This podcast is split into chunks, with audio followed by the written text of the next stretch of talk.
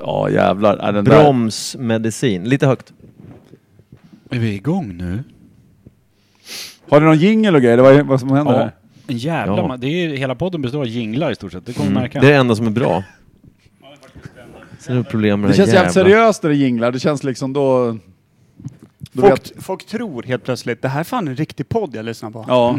Men de har fel. Sen börjar man surra direkt efter och tänker, nej fan det är- det kanske har en dålig dag, då kommer en ny jingel. och Men så har är en ni ny lite så här tro. nöjesprofiler i Norrtälje? Absolut inte. Vi står nog mest för besvikelse och bitterhet för de flesta Norrtäljebor Det som uppskattar jag. möter oss.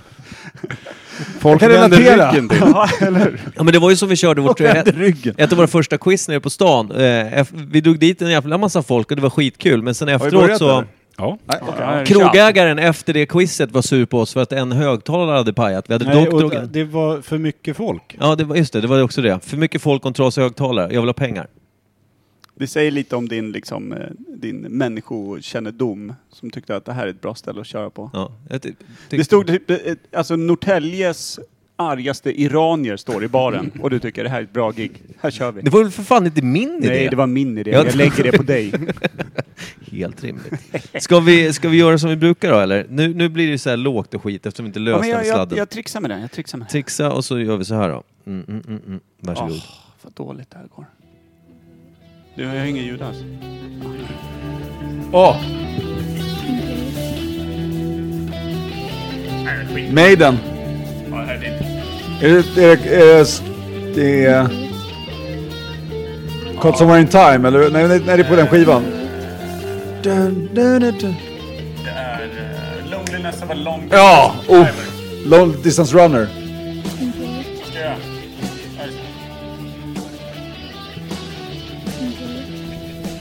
Fan vad lågt det är Micke. Dra upp lite till. Är det här max? Du måste koppla fel. Det är något annat som hörs i bakgrunden. Jävla dåligt. Fy fan vad kast. Men så är det när man köper sladdar från helvetet. Mm. Det är sladdens fel. Ja, vi hade en gång i tiden ga- ganska bra ljud på våra jinglar, men sen gick det fort söderut det är som här. det gjorde med Kims hårfäste. Det har ju bara, det har ju bara att göra med att telefonen saknar AUX-ingång. Det är bara därför. Ja. Faktiskt. Är det så? Ja. Jag tror, att vi så ska, jag tror vi ska göra så vi gjorde förr. Vi slänger in jinglarna från, direkt från din lur. Nej, det går inte. Det är Men klart för sen har ju. Micke köpt en sån här konvertersladd på typ ÖB. Du jobbar med mo- mobiltillbehör. Du har ändå gått till typ Dollarstore och löst något ur kassan för 19,50. Jag beställde den enda jag hittade. Det är så jävla... Ja, vad fan, jag Det är vet. så jävla Vi kör, nu kör vi den jingeln som passar bäst för att vi jag har en gäst. Ja, okej. Eller? Ja, kör på. Ja. Höj satan nu då. Och så sänker alla andra. Fan vad illa det låter. Det här går ju inte bra mycket. Nej, men det är inte de som hon sa som är med. Nej, men lugn.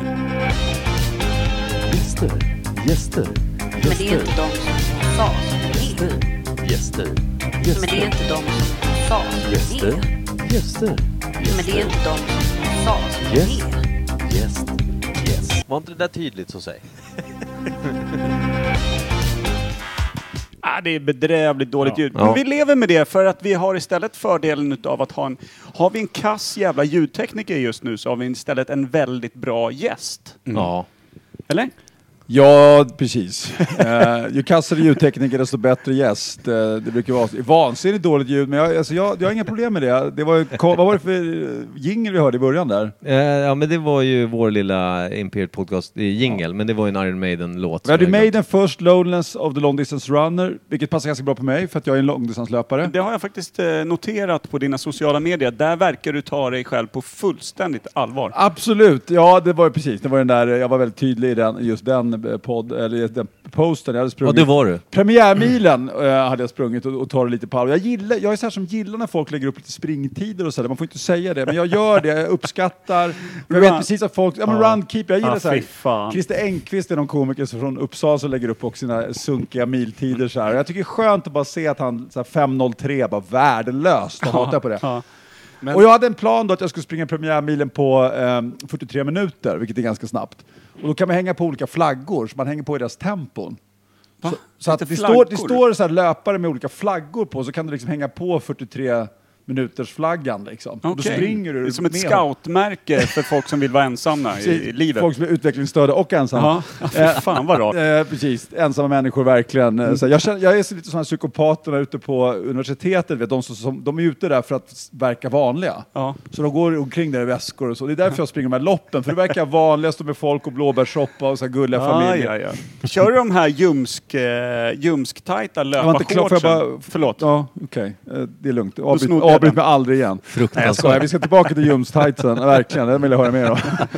Men jag ska bara säga att jag hängde på då de här 43 eh, minuters flaggan i, i liksom 6,5 kilometer. Mm. Och det är en väldigt kritisk tid på ett millopp när du persar. Liksom. Alltså 6 till 8, det är, liksom, det är ganska långt kvar du är trött som satan. Och så pallade jag inte hänga på, det var motvind som fan. Och så kom det tunga, och så orkade jag ändå liksom, jag gav inte upp helt. Så det var så här, fan jag har fortfarande lite kraft kvar i den här kroppen. Det kändes skönt. Så jag Ja. sprang in på eh, 45 och 16 då. For the record. Nu är inte det här skitintressant, men jag ville bara avsluta med det. Jag har, jag har en Jag fick fråga. absolut inte fråga om shortsen där. För, Jo, men att, de ska vi för ta. du vill absolut Nej, men jag, visa det här, att du... Jag ska inte, men jag vill bara hålla, hålla ihop det till en liten Jag, enhet. jag har Yes. en fråga. För att vara långdistanslöpare, hur långt måste man kunna springa då? Var går gränsen för långdistans? Jävligt bra fråga tycker jag. Jag skulle säga egentligen, eh, ja, om, vi, om vi tittar på alltså friidrottstävlingar så brukar man säga egentligen fem kilometer upp det, men så, jag tycker en mil och längre. Det är skönt att du tycker, det är inte säkert att det stämmer. Det här är väldigt killgissning på den skulle jag säga. Det är väldigt subjektivt, men jag tycker att en mil någonstans, det är ändå så här, då måste du springa på ganska så länge. Det är väl lite så här för vanliga människor och, ett långdistanslopp, Ja, tänker jag. Fan. Vi kan ju alltså ha hittat, också. vi kan ju ha hittat ny, en, ett nytt segment där vi ringer Erik varje tisdag och så kör vi Erik killgissar. Ja. Eh, så ringer vi honom bara, så ställer vi någon fråga där han egentligen bara låter som att han vet, men han har ingen aning. Erik definierar gränsen för långlopp. I- inte en gång varje podcast. Erik, vad är lång- ett långlopp? Vad ligger vi på? Äh, kolla nu! Nio tror jag nu är ni senast där. Jag har kollat med Greenwich. eh, den, Ja. Är inte det hela Fan, vad podden då, fint. Micke? Jo, det är ju det. Så det blir ju b- bara, bara ett plus på det vi redan Ja, har. det, det minus. blir långdistansfilialen menar Ja. du? Alltså där vi, Så fort där vi vi har någonting- lisar ut långdistansämnet. Vi har en eh, special... eh, Vad heter det? Professor inom eh, friidrott och En, analyt, långdistans. en analytiker inom sporten. Där Vad vi inte det? skämtar heller, för det är för Det är han allvarligt. Lennart A. Julin, ni vet. Han är ju, ni kanske inte vet vem han är? Inte en aning. Nej, Lennart A. Julin, det är ju Sveriges friidrottsorakel, kan man säga, som vet precis allting. Han skulle verkligen naila det här, så att om, man kan ju ringa honom då. Men du är vårt orakel. Absolut, ja, det får duga gott åt Norrtälje säger jag. Kul, kul att vi också väljer att du ska vara vårt orakel på det enda ämnet där du är gravallvarlig. ja, det är så jävla dumt. Ja, det här tar vi på allvar.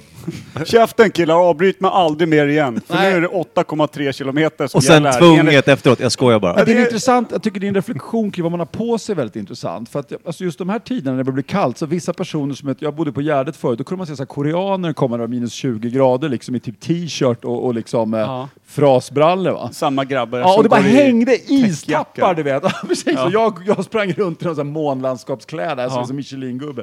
Kunde inte andas det var så kallt. Så det tycker jag är fascinerande. Och vissa, ja, hur man liksom klär sig. Jag brukar säga eh, fram shorts efter plus 10. Och då är det shortsen. Då är det shorts, Är det snack. de lätta, lätta löparshortsen de som ger den här friheten till dina vackra höfter som du tänker på? De här högt skurna, alltså riktiga löparshortsen som är liksom flortunna som ett jävla spindelnät. fråga det där du! Vad är det för jävla shorts jag har på mig egentligen? Jag brukar, ja, jag brukar kanske lite, alltså, ja, jag skulle säga du- mina eller- frasiga Nike-shorts. Det är det frasigaste jag har. Ja. Eller har du cykelbyxor liksom? Så tight. Nej. Ingen luftmotstånd. Jag har ett par liksom long tights Ja. har jag, som jag kan ha ibland när det är för kallt. För det finns ju en gräns där det liksom blir för jävla kall och då tjänar du inte på att ha shorts såklart. Så att, men 10 grader där, det är shortsläge. Det roligaste är ju också att det fulaste i hela idrottsvärlden är ju ett par löparben. Det finns ju inget fulare. Det är ju som att någon har dragit ut ett par kycklingben och stoppat dem i ett par löparskor. I stort sett. Och där rullar man leggings som liksom är så pass tajta att de avslöjar ådringen i vaden i stort sett. Hur tänkte ni?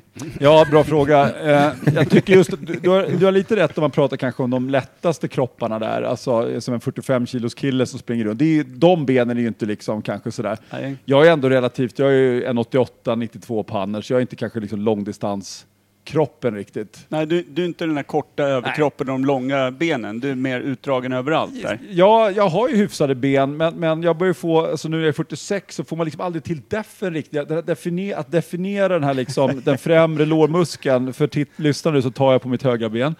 Eh, och just där vill man att det ska vara lite deffa, och jag har lite komplex för mina de här, alltså det är lite fett, det är lite, Ja. så lite äckligt fast jag är ändå ganska Men vältränad. där kanske du börjar komma dig så pass ekonomiskt starkt att det finns silikoninlägg att lägga så att man kan se riktigt bra ut vid När du startlinjen. börjar pumpa in fillers på lårmusklerna, så då vet du fan att då, då, har, då har det gått långt. Du är då vad man kan säga en tungviktare i långdistans. Ja, Så. Bra! Mm, så så Arne. Hägerfors skulle sagt det i en kryschinledning. Nu kommer den, tungviktaren inom långdistansen, Erik Berglund. Slukar du boken Born to Run och fick en, liksom en drömsk känsla av att dra till Sydamerikas berg någonstans och bara kliva runt på, på, längst fram på trampdynan? Säga, Bra, alltså de här frågorna, alltså, jag, fattar inte, jag bara faller som i så underbar samtal här. Precis den frågan jag ville ha. Tyvärr ska jag besviken, jag fick två ex av den boken, jag har inte läst någon av dem. Jag började läsa lite grann, för alla tänker att jag var så här. jag har aldrig varit någon så här besatt på det sättet, men jag har alltid haft träning som ett stående inslag i mitt liv ganska mycket. Dina sociala medieinlägg säger motsatsen. Ja, Besatthet. Ja, ja det, kanske, det, det kanske gör det. Eh, några, några träningsgrejer har jag lagt upp. Eh, så. Jag tycker att det är skönt att träna. Det har liksom alltid så fått mig att level out lite grann. Men vad, vad är det med folk som tränar och måste lägga ut det på sociala medier? Gills det inte annars? Jag tror alla, nej, men alla människor vill ha någon sorts uppskattning. Jag tycker att det är kul, just att jag, jag gillar tider och siffror. Så jag, har, så här, jag hatar fenomenet egentligen. Jag hatar nästan det, det, flest, det mesta alla gör på sociala medier hatar man ju. Alltså, det finns ju få som bara för fan det där var så jävla bra, kul! Det mesta bara, "Ma, fuck jag hatar det. Eh, men just med sådana här löpuppdateringar som jag borde hata tycker jag är ganska kul. För att jag själv kan jämföra med mig och sådär och, och, och, och liksom kolla. Men jag tror att det är något man ska visa sig duktig. Det handlar inte allting om det hela tiden. Jo. Ja, men Semesterbilder och och det är det som är så här, jag tycker att man har två uppgifter på sociala medier, det är liksom underhålla eller informera. Och kan inte jag ge dig en information som du tycker är värd att ha, jag kan inte underhålla dig, då har jag någonstans misslyckats. Sen har jag andra då kanske tycker att de håller kontakt, men många lägger upp saker som kanske din familj och två personer är intresserade av. Det är liksom, ska alla behöva se det hela tiden? Det är väl det som är Jag problemet. har lite avföljt alla sådana konton, faktiskt. Men det här, är- här, nu, jag, kanske, nu, jag kanske känner att jag vill utmana dig lite här, Erik, eftersom du ändå som eh, På gäst- armbrytning? Nej, nej, Nej. och inte Ja, det på var synd, för jag är ganska bra i det. Ja, det är också en annan sport jag följer. Ja, skoja inte om det nu Per, för då smäller det. Nej, jag vill inte avbryta mig själv här nu, för då jävlar. Jag bara hoppar in på en hook och bara, när, när du inte är beredd, ah, fuck! Nej, men jag tänker med att det här med eh, runkeeper eller eh, pedometer, det här gånggrejen som folk lägger Säg upp. pedometer en gång till. Alltså ett pedometer, att det heter det. pedometer. ja, det. Alltså den som döpte det visste ju vad det var för människor som skulle nyttja appen. Så är det ju bara. Alla rutter som är inlagda går förbi dagis. Ja, exakt. eh, Eh, men, eh, jag tänker mig att alla ensamma människor och kattlösa människor, är det här deras svar på alltså Hässelbymammornas 1200 bilder på sin lilla rulting som precis har börjat tugga på en mattkant eller vad fan det är de lägger upp? Är det här liksom eran motpol till det? Är det här liksom revolutionen? Är det här eh, vinterkriget liksom? Ni kör? Jag, jag, tror, jag tror lite det. Alltså, det är ju svårt som... vad ska jag säga, alltså, Som man i dagens kontemporära samhälle, om du då... Så här, jag har inte gjort ett, ett sånt här, någon sorts ideologiskt val att inte ha barn. Nu har det inte blivit så. Jag har inte gett upp eh, än liksom, på familj och så. Eh, så det kanske inte blir så. Eh, och många som inte har familj kan jag tänka ska hitta någon sorts... Eh, i vårt svenska samhälle, ska hitta någon sorts mening. Och jag tror att den blir jävligt svår, framförallt för många män också som, som eh, blir äldre och så vidare och, och själva så här, vad fan ska de göra liksom? Det är liksom, det är träna och sen är det Västerbron va? Det är liksom, det är där, det är det du har. När man börjar jag jag man säga, börjar- jag hade bra pensionsförsäkring, Västerbron, ett sånt kanonpaket, Voi-turen Ja. ingår, allting. Så skönt att känna den tryggheten, Västerbron står alltid, Varje den gång du- trygga varje stålkonstruktionen som ska hjälpa mig. Varje gång du springer över så tänker du, idag eller inte idag. Idag Nej, inte idag. Den Ja. finns alltid där. Möjligheten finns alltid där. Ja. Nej, men jag tror att det ligger någonting i det, någon sorts värde. För man ser ju lite vilka det är som, som pumpar upp de här grejerna. Och vad folk har sin stolthet i. Och det finns ju en so något sorgligt i det här att vara en träningsperson. Och det är väldigt bra såklart att du tränar, men jag eh, gjorde en intervju, jag vet inte om ni vet om Anders Salkai, han är en sån där löparguru i Sverige. Och han var en av Sveriges bästa löpare, han hade svensk rekord på marat på, 20 på 2.12 tror jag, en av de bästa i Sverige. Och han är så här stor i löparkretsar nu, han har sån här Stockholm Marathon och man kan köra springgrupper med honom, han är liksom Mr Löpning i Sverige. Men han tränar fortfarande liksom jävligt hårt. Och han är liksom 48 och har tränat stenhårt sedan han var, du vet, och det är liksom han, hans liv är det där. Och jag gjorde en intervju med honom när jag frågade honom om det där och han liksom tycker att det här realtidsförfallet är jävligt jobbigt. Men ändå liksom kan han inte släppa det. Det är allt det, vi släpper inte våra utseenden, vi ska, ska piffa på det där. Och du kommer till en punkt liksom när det bara blir så jävla sad. Och så kan det vara lite med träning och tider och sånt också, för du kan ju inte vinna, det kommer ju bara bli sämre. Och ska du på allvar försöka få cred för att du lägger ut träningsuppdateringar så är det, det, det säger ju väldigt mycket om dig själv och vad du värderar. Och låt säga att du håller på att förlora någon form av kamp i det. Kan jag, ja, jag, jag kan tycka det. Det är väldigt sorgligt, men Man, vi, man visar det långsamma förfallet. Alltså kolla min Facebook-tidslinje här sex år tillbaka. Kolla tiderna då. Och jämför Men liksom. det är, så du säger ju lite egentligen att jag har problem med att åldras. Och det, jag gör vad, vad som helst. tror inte du är ensam, om Nej, säger det så. gör jag inte. Men det blir ganska tydligt med det här. Och jag kan se det hos en, en viss typ av män som kanske haft mycket träning Mm. och haft en identitet i sin fysik. Ja. Som jag har haft lite grann ändå, gillat att träna och liksom har fått beröm för att man är så här, ah, men du är fit och så här, la, la, la, Mm. liksom. Sen så, ja, years go by liksom. Jag har startat ett, ett, ett, ett Instagramkonto, väldigt få inlägg än så länge, men, men det ska vara mitt träningskonto. Det heter Fittmicke med ett T. Eh, och, eh, Ja, bra att du noterade det. ja, det, ja, men det är mest för andra de inte tar illa upp. Pussy Mike. Eh, Ja, lite så. Ja. Eh, och det stämmer rätt bra. Men det var inte det jag skulle säga. Vi har ju, jag följer ju väldigt få träningskonton. Ibland kan det vara lite kul bara för att peppa sig själv och se andra göra saker som man blir, "Nej, jag borde, jag borde fan göra något idag. Eh, vi har ju en god, god vän, Action Rod, eller Rod Pettersson, som eh, han gör ju såna här galna grejer. Han, förra året körde han att han skulle göra 100 000 burpees på ett år. Det vill säga han gjorde 300 burpees om dagen. Alltså det var hans utmaning. Och efter det, vad var han gjorde nu? För, besteg sen besteg han ju. Everest, eh, inte på riktigt, utan de skulle bestiga höjdmetern på Everest. I, vi har en liten backe här som är, vad, vad, hur hög var den? 55 meter tror jag. Så de skulle gå upp och ner för den tills de var uppe på Everests liksom, nivå. Jag tror de gick i 36 timmar. 36 i sträck. timmar gick de, alltså i sträck. Utan i stort sett pausa. Det var hans andra utmaning. Sådär. Så det, det är ju kul att följa när han gör grejer. För han gör ju helt abnormt knep, knepiga grejer. Så. Tack. Nu fick jag kaffe här, jag blir upp, upp, väldigt Ja. glad. Det där tycker jag är skitroligt att följa, sådana där. och det där är sådana här jävla pannbensgrejer. Just det där, finns det mer mentalt, det är så här så springer du vet, de springer maraton på en sån här 100 meters bana, liksom runt, runt, runt. Alltså, men är han någon sorts fitnessfenomen här i Norrtälje eller? Nej, det, är han bara. Han och en kille till som heter Mattias som är... Han ligger ju under... Hans träningskonto heter Migtrix, eller så Matrix, Migtrix stavas det. Eh, så det går, jag, kan, jag kan visa dig honom sen. Eh, han, han har varit med i podden flera gånger. Han Men säger det, det för lite bästa för att vara rolig. utmaningen jag gjorde, det var ju med mjölken. Kan Ja. du dra den Per? Du drar det här bä- bättre än någon annan. tror Eh, jag. han, skulle, han, han läste sig till att det finns alltså en steroideffekt Diet. i eh, mjölk. Mm. Eh, men då behövde man dricka två gallons om dagen. Vilket han gjorde och då var han resande säljare. Så han hade, är väl tre liter, är det inte så? Ja, så han, han dundrade sex liter mjölk ungefär om dagen då. Hade den bredvid sig med säkerhetsbälte och allting i, i passagerarsätet som eh, resande säljare. Blev lite varmare under sommardagen, satt där i, med full luftkonditionering. Så han körde den där.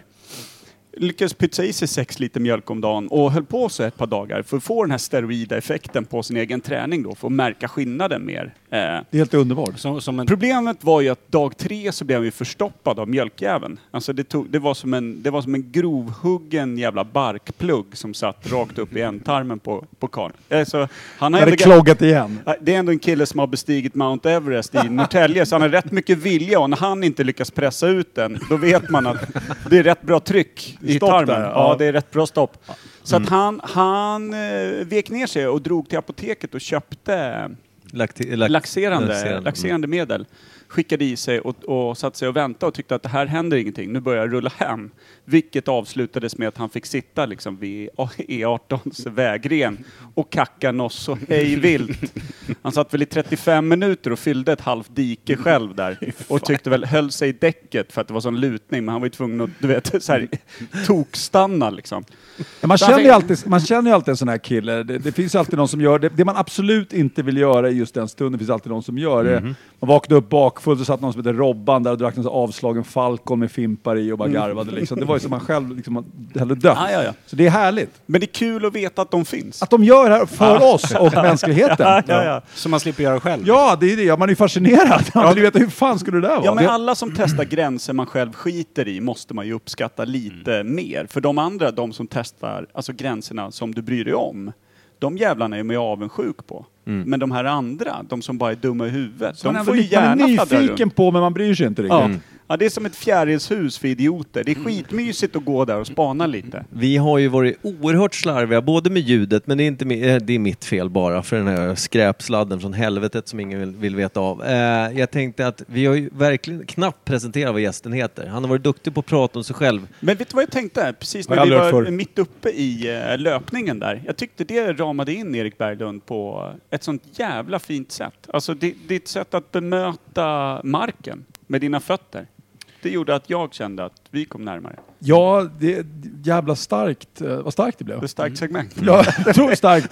Ja, jag sitter och gråter där. Jag, måste, Jag har lite säger, jag ångest. säger direkt. Och han har ångest också. Hur tänker du då? Vad fick du ångest för? Nej, det, det här med löpning. Eh, jag blir ju trött av att höra. Ja, och män som gråter eh, reagerar du illa på. Det får jag lite ribba av. Löpning är ju inte kanske min huvudgrej. Ska, ska jag säga någonting? Ja, Eller? berätta om Ja, dig själv, Erik. Ja, jag uppskattar att vara på Imperiet Podcast får jag säga. Ja, Eh, jag var ju med i en tävling förra året med Janne Westerlund då. eh, Så, att jag, jag, är ju, eh, jag är kommunikatör, jag är komiker, journalist, musiker, en sån här Jack of all trades, master of nothing, som- man brukar säga. Det här härliga. Ehm, och jag, ni känner Janne Westerlund, en eh, komikerkändis här i, i Norrtälje som jag tycker väldigt mycket om och jag har kört mycket standup när jag började, för Janne är ju så, han tar in mycket nya och liksom låter folk få chansen. Så jag körde väldigt mycket med Janne. Och varit mycket här uppe och så körde vi den här eh, roligaste Roslagen, den här eh, Ja, speciella covid-tävlingen när vi körde då. Och ni var ju domare, det var ju väldigt roligt. Eh, och nu är jag eh, hit uppbjuden och eh, jag, det var ju, jag fick ingen skjuts och så från busstationen. Eh, utan jag fick ta en bussjävel upp hit och sen så tar jag mig då, går jag faktiskt då till ett jävla industriområde, förväntar mig att bli överfallen.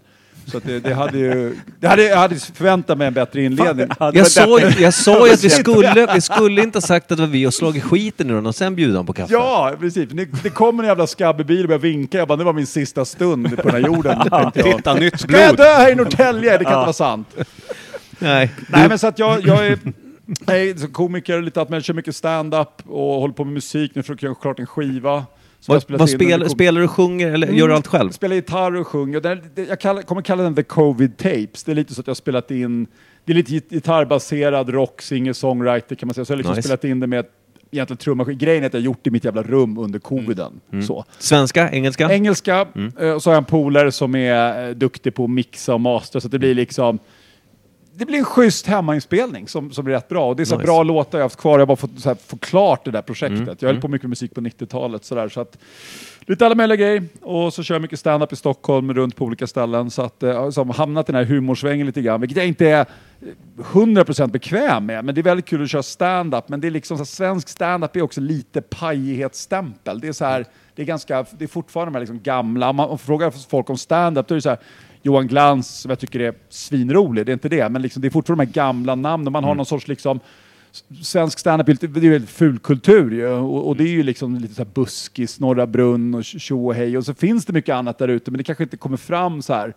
superstarkt. Utan det Nej. lever kvar i någon sorts liten så här pajfåra och det tycker jag är lite synd. Mm, det är de stora namnen som lever över decennium. Så skulle jag det. säga, det, Ja. och det är fortfarande ganska mycket så. Men Paolo Roberto hade en väldigt kort ståuppkarriär där med, med horan. Mer sit down-karriär. Ja just det, så var det ja. Fan, jag har aldrig jag gjort det där. förr. Så jävla dåligt. Men han skulle köpa Apropå ägg. folk som också sänder träningsposter hela tiden. Det är ju också... Otroligt eh, Mm. taggad. Alltså, han, han är, det är en kille som ändå så här tar smällar och, och går framåt. Det måste- Eller jag kullerbytter i sitt eget vardagsrum i all Ja. jävla oändlighet. Jag sätter det, scrollar förbi han på LinkedIn någon gång. Man ser han bara gör kullerbyttor, man ser hans flint och man blir lite så här glad och arg. Men jag blir ändå lite så inspirerad av honom. Jag tycker han, han är ganska duktig. På, han har ju de här mottot tycker jag. Att den träning du, du utför är bra. Mm, Eh, gå, upp, gå upp och gör skit, inte gnäll, det behöver inte vara så komplicerat och du behöver inte så mycket grejer. Mm. Det är fascinerande tycker jag, hela den här tränings och, och liksom kostindustrin. Det är så här, Mm. Hur mycket kan vi hålla på med den här skiten? Alltså det är några få grejer, du måste liksom kunna, så här, hur mycket kan du avvara varje vecka? Vad är du beredd att göra avkall på ditt liv? Och vad vill du ha för resultat? Ja, då får du äta mer, du får träna mer och hålla i. Så jävla komplicerat är det ju inte, men folk vill ju inte höra det, utan de vill ju höra att det finns en genväg. Va? Och där har du en industri som omsätter miljarder på det, det är fascinerande. Älskade ju 90-talets eh, TV-shop, de här eh, elektroderna du bara skulle fästa. Sitter och spänner sig. Ja, medan du TV. ostbågar och blev så jävla ripped, nya Mr Universe. Fightoner fanns det något som ägde. Fightoner, det var så här, liksom, satt någon så här jävla båge så satt man höll på så här liksom. Då, Ja, just det. Satt någon skitrippad kille där. Nej, nej, nej. Exakt. Och just Bara att man skulle den där. kunna se Ja. Lilla huset på prärien samtidigt som du gjorde. Det var ju det viktigaste, jävla- ja. Ja, ja, ja. Och söndagsöppet. Fembarnsmamma har gjort det där fler gånger än, än man gör det där hela tiden. Ja. Så är det. Sära på benen. fembarns- Absolut. Så, Fembarnsmammorna har det här naturligt i sig. ekivokt men ändå roligt. Men Ja. eh, ska vi gå in på nä nästa segment kanske? Ja, per, kör, kör, kör det på luren. Jag vägrar köra igenom det här Nej men kör den där nu. Det får vara svindåligt ljud. Det är ditt eget 19,5 kronas fel. Vad fan det nu var du ville lägga på 64 den podden. spänn tror jag att det faktiskt kostar. Ja, nej det antog Det att var det det värt. sved. Ja, det här vet inte Erik om heller, men han får väl bli, bli varse vad det lider. Eh, Spännande. Är du beredd? Ja. Ja, just det. Prata inte i micken nu för nu är det svinhögt. Ja. Okej. Där, så hör det.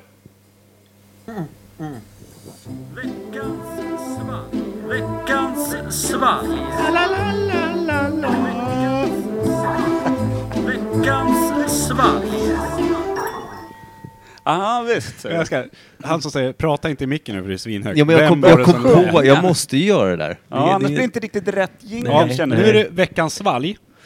Och då ska jag förklara hur det går till. Gör det. Då får vi såna här foilerade burkar eller flaskor. Av eller folk på stan. tuber eller sprutor eller allt möjligt.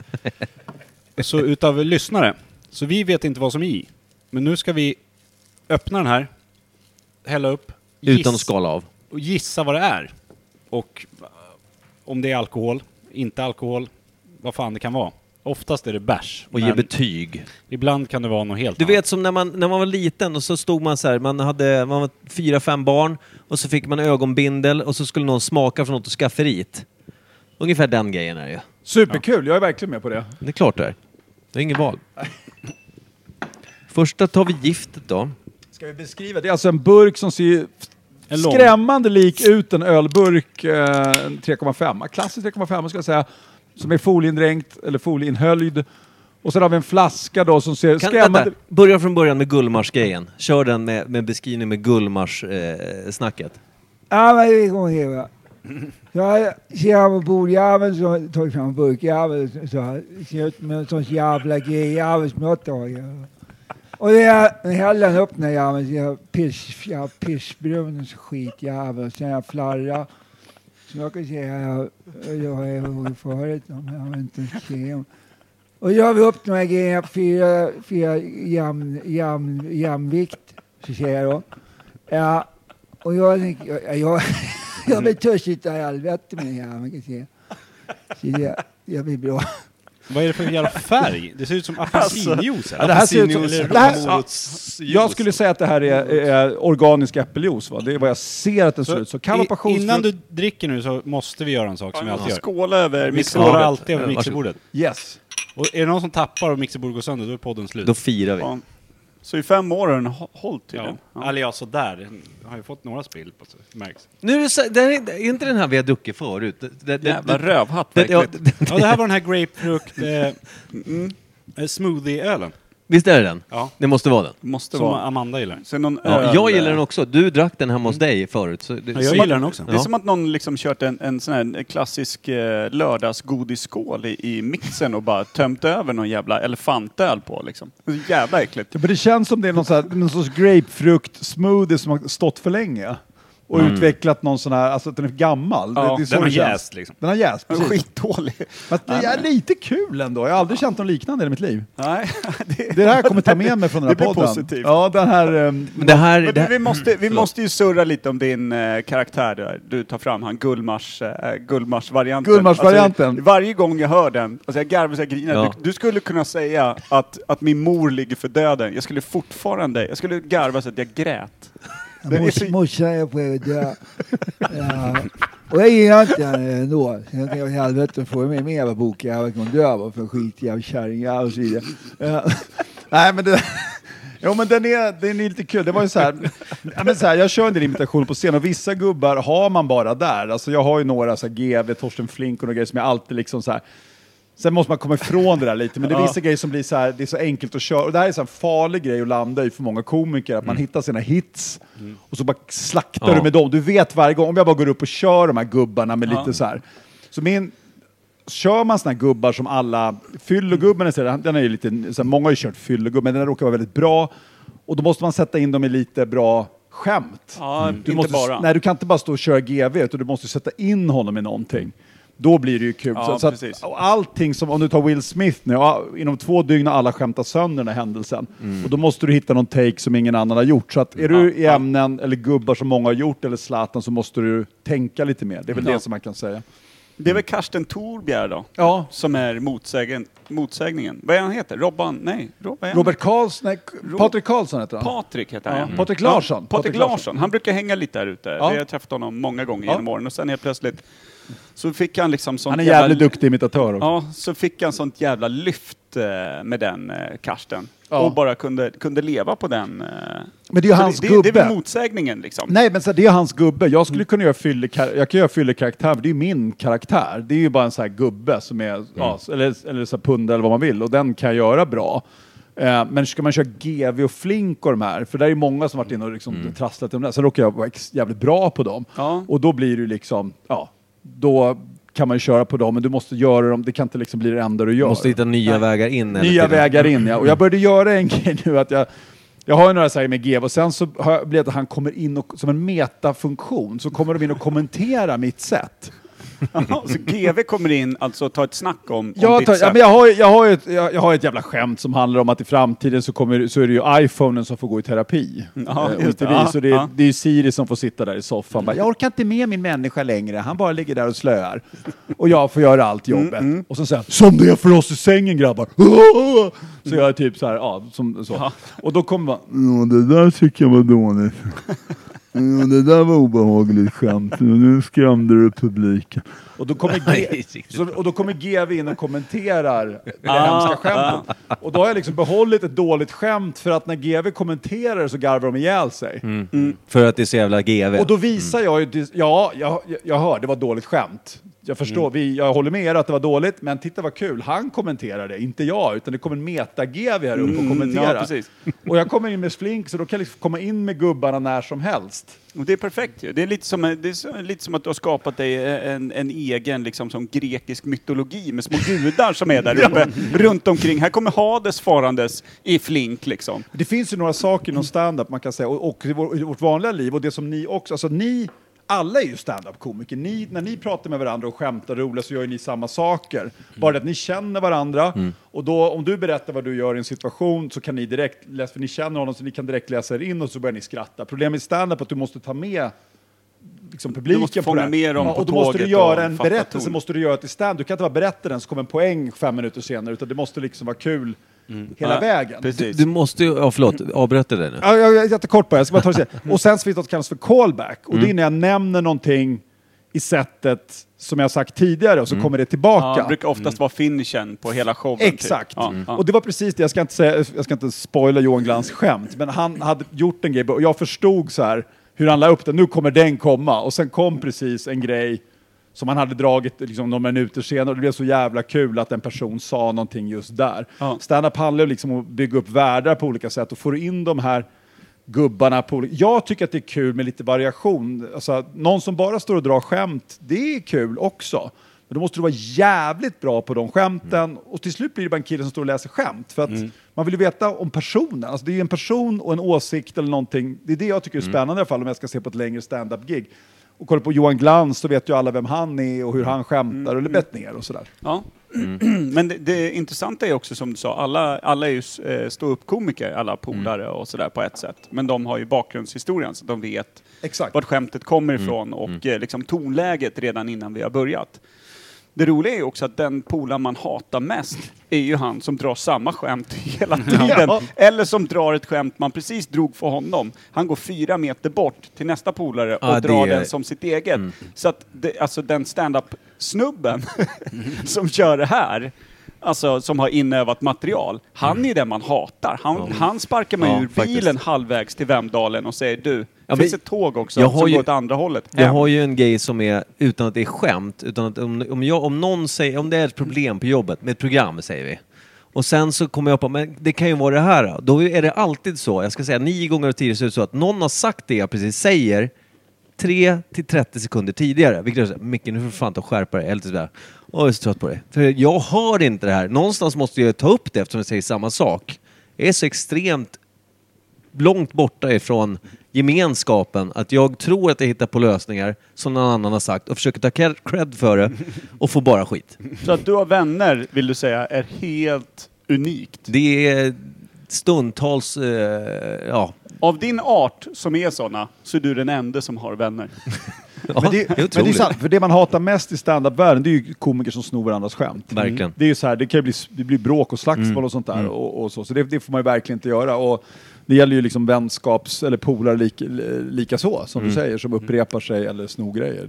Men, Så de blir minst populära. De blir minst populära. Så är det. Ehm, så är det verkligen. Och förut var det vanligt att, eh, jag har ju bara hört historier att de liksom var över i USA och så och bara översatte de eh, liksom, amerikanska Ja, komiker till svenska. Snodde rakt av, Ja. så att bara gjorde anteckningar. Och vissa drog hem. gör det idag och fattar inte och kan men det där är ju det där är typ Louis CK-skämt som du drar nu. Ja. Och så, så här.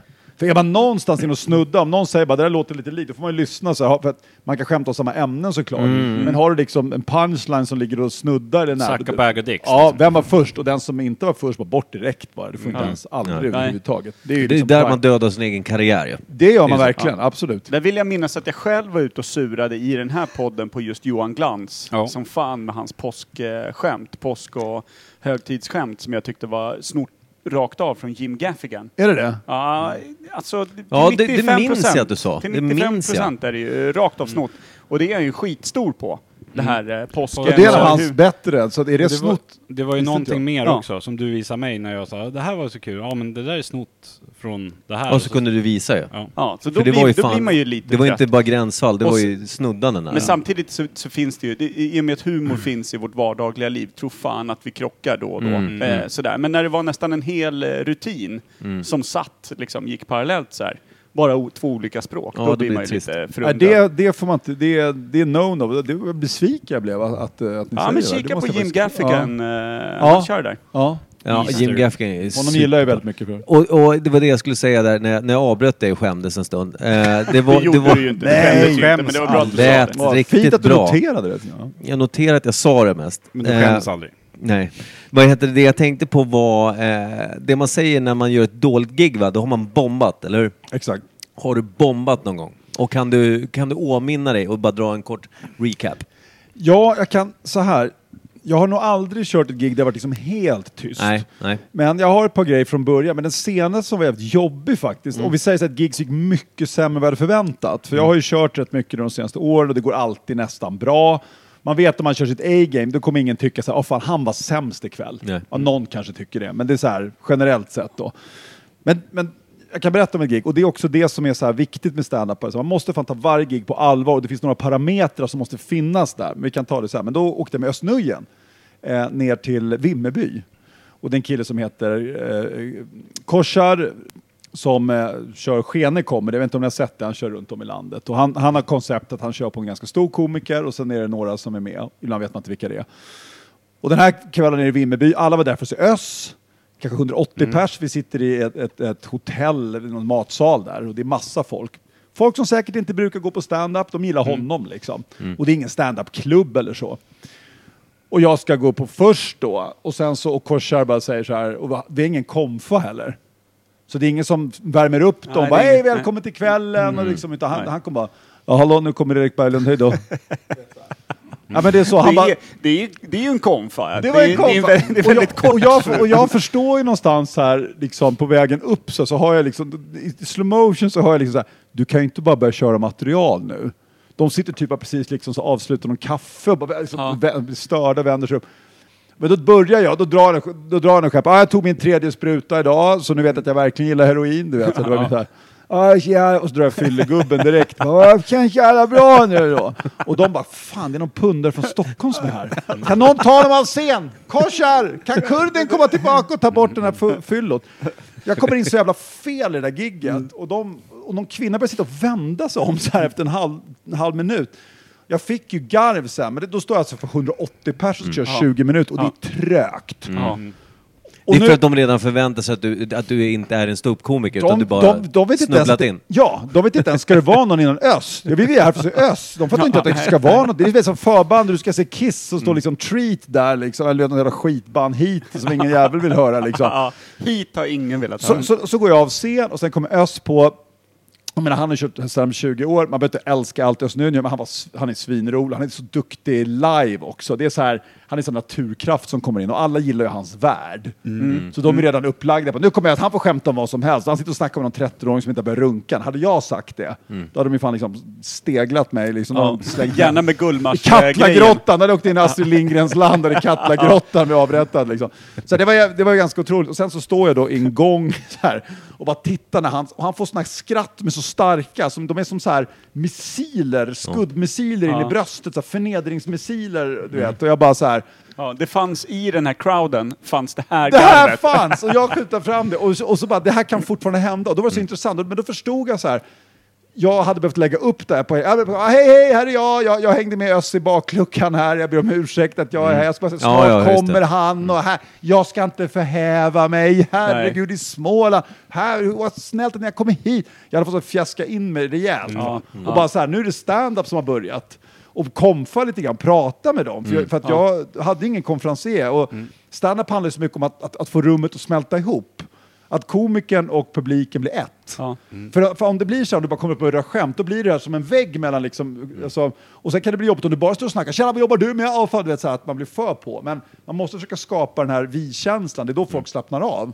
Och det misslyckas kapitalt. Så där har du liksom en, det skulle jag kalla en, även om det inte var en bombning, ofta när folk pratar om bombningar, då är det ofta yttre förutsättningar. Du vet att du står längst bak i ett rum, du hörs inte, du har skitljud. Det är ingen bombning. Nej. Bombning är när du har bra förutsättningar, du går upp och ska köra ditt A-game och det är fucking tyst. Och sabbar det, liksom. Ja. Så att, eh, och sen har det hänt någon gång tidigare så, men inte så många gånger. Men då är det liksom- ändå ganska bra, om man säger, eh, då- är det inte så dåligt som det ku- skulle kunna ha varit. Du skulle kunna ha haft sämre historier. Så det är ju bra ändå. Absolut. Jag hade väl någon gång, jag kom upp, det som var jobbigast, det där jag kom till Big Ben i, i kostym. Och Big Ben är ju som alla vet ett skitställe på Söder. Och att Doftar komma- ganska svagt av Kiss. Det är Alltså redan, Kiss, ja. redan ute på gatan i, i, i bra blåst. Man, Ja. man, känner, man känner doften på kisset att här inne finns det billig öl. Så kan det verkligen vara. De där kvällarna kan vara hur, hur som helst. Man Jag bara- ställer sig vid en urinoar, man eh, ser att killen till vänster tömmer sin kateter. Det är sortens ställe. Så är liksom. det faktiskt. Och sin stomipåse i samma... samma så, så att eh, då kom jag ner i kostym och jag förstår ju direkt. Och någon, någon komiker bara säger, vad fan har du på dig? Och han bara, vad fan har du på dig? Med så förakt. Och jag bara, ja precis, vad har jag på mig? Vad gör jag? Vem är? Vem är jag? Och sen kommer jag dit och drar första skämt och jag bara tänker så här, om jag missar första skämtet så är det kört. Och jag missar första skämtet och jag bara ah! Och bara står där och det, jag fick några garv, men det var så jävla jobbigt. Om man pratar om sådana gig som känns jobbigt. Och så känner man att tiden bara går baklänges nästan. Ja, Ja, Big exakt Ben är, sitter, sitter de ju så jävla nära. Man känner fan svettdoften från rad Ja, tre ja. liksom. Big Ben är så, det är, sen, sen har man lärt sig att så här, koppla bort sin, så att säga, stand-up persona. För ja, det är du, men det är ändå en, en viss version av du. Och du måste våga i stand-up. Du måste våga testa nytt, du måste våga och inte säga som många gör, nu ska jag köra lite nytt, håll käften. Du måste köra ja, allt som att du ja. tror på det. För annars kan du inte jämföra med ditt övriga material. Så kör lite så här grejer som brukar funka och sen går in på det nya och så. Och sen kan du väl säga om du nu tycker det är så jävla pinsamt, ah, kul att få testa lite nytt på er ikväll, som alla säger, håll käften. Gå in, try to be funny. Ja. För det där är det största hindret för komiker, att de, de bygger upp sin tia, sin kvart, sin halvtimme som de slaktar med, sen ska du skriva ny. Och då måste du börja om igen lite grann. Det är klart att du vet vad som är roligt, men det är ett jävla jobb att komma upp dit och många pallar inte det, då ska de på att ursäkta sig själv. Men sen måste det vara jobbigt att alla ska ju, eller tror ju att det här blir kul. Man har den pressen att jag måste vara rolig liksom. Precis, för det är det som stand-up handlar om. Du, du går ju upp på scen för att vara rolig. Ja. Om jag är rolig i ett sammanhang när jag sitter med polarna eller om jag håller ett föredrag på jobbet, då förväntar sig inte folk det. Och då är det kanske lite lättare och det är liksom inget krav. Du, du, du har en annan informativ eh, uppgift där. Men stand-up är ju verkligen det. Ja. Så det, det, är det är ju inget kul att misslyckas med att vara rolig. Men, Jag har eh, gjort hela mitt liv. vad, vad tror ni att svalget är då? Ja, just det, Ja, det ja, är snyggt. veckans Jävlar vilken-. Snyggt. Ja, jag tror att vi har haft det den förut. Vad är det för procent? Ja men det är ju den där skiten du snackade Ja, om men jag att den var starkare än vi trodde då också. Fyra och en halv. Ja, det Ja, är ja. det. Fy- Fyra och en halv tror jag. Ja. Det är den där Vi har haft den här förut, så det var lite tråkigt. Eh, För den där hade vi, Per var lika sur Fem då. procent. Är det så pass? Fruit Jag smoothie hade, heter jag det. hade också för mig att det var en ren 5-0, men det hann jag inte säga för att du skalade. Ja men vi har ju haft den här. Det känner Är man den ju. på Det- bolaget den där eller? Okej. Ja, i, men den fanns här i Norrtälje på, vad heter det här, sortiment? Ja, tillfälliga sortimentet. Tillfälligt sortiment. Otroligt. Ja, det är ju jävla äckligt tycker jag. Ja, du hatar men du den. hatar Vi allt har ju där. två Det gör som jag du väl inte. Du hatar ju mer saker än vad jag gör. Jag älskar Det ju feta inte- brudar. Ja, Ja, det, det är ingen annan som gör. Fan, Jag har du kan tycka det glömt funkar. det? Ska vi ta den där nu? Ska vi hämta Ja, nya men- glas? eller? Ja men, ta, ja, men Inte ja. för min skull. Jag, jag, Nej, vi drar jag, i oss här. ja. Sopar i oss den här är jävla det en flaska nu. ja, smoothien. kör. Vi- Det här är bra för långdistanslöpning står det säkert på flaskan. Känns vilken- som det. Så där lät det när man river loss en käke. Ja, men fan vad fint. Det är kul att höra lite från stand-up-scenen ändå. Men nu är det mer ordinär jävla Åh flarra. jävlar, den här var mörk. Nej, nej. Nej, för fan. Micke älskar det här, det vet vi. nej. Nu jävla... Han får mycket. En kärringjävel som ger den här skiten. Men Okej, jag kan säga, jag, jag testar skiten för jag, jag är inte rädd för det här. Va? Så jag har varit med om värre då, så att säga. Kan det vara en chimay kanske? Kan det vara olja? Gullmarsnisse vet du. Gullmarsnisse. Jag har ingen namn på honom riktigt. Nej. Gullmarsnisse. Fan alltså. Kenta. Ja, det Han är så jävla Hammarbyare så det Allan. finns ju inte. Kenta ja. Ja, Ja. han sover ju i grönvita lakan om det finns Eh, s- eh, Sabba mixerbord då. Jag har lite blött under också, Ja, så nu är vi- risken stor. Ha, då tar vi nästa. Skål! Shalom. Ja, ja. Shalom. Nej.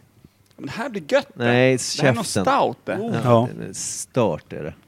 Fan, den här var... Här är en stout. Ja, det här är nog en stout. Ja. Det här är mäktiga grejer. Kraftfull. Ja, det här, det här är... Är det en chokladstout? choklad skulle jag säga. Choklad och helvete. Eller kaffe? Så långt ifrån Fem. lager man kan komma i alla fall. Ja. Vad tycker du? Gillar du sån här? Ja, det tycker jag. Den har, ju sin, den har sin plats. Det här är ju liksom, det här kan ju verkligen... Vet du vad platsen är? Under ett bord med en annan lokal. Exakt så, den, den kan förstöra en kväll. Det här, för det många kan den sådana nog här. göra. Den liksom, är man på rätt humör, men den är också god. Men det här, det här är den första ölen. Man tar den här medan man fortfarande... Exakt, medan man fortfarande står. Det är Exakt. det här ganska- kan ju också vara en sån eh, 18-procentig jävel. Ja, Man det- vet det- ju aldrig för- med de här. Det är därför du börjar med en sån här. För tar du den i slutet, då vet man att det är slutet. Det är kistan. Ja. Då är det så här, godnatt.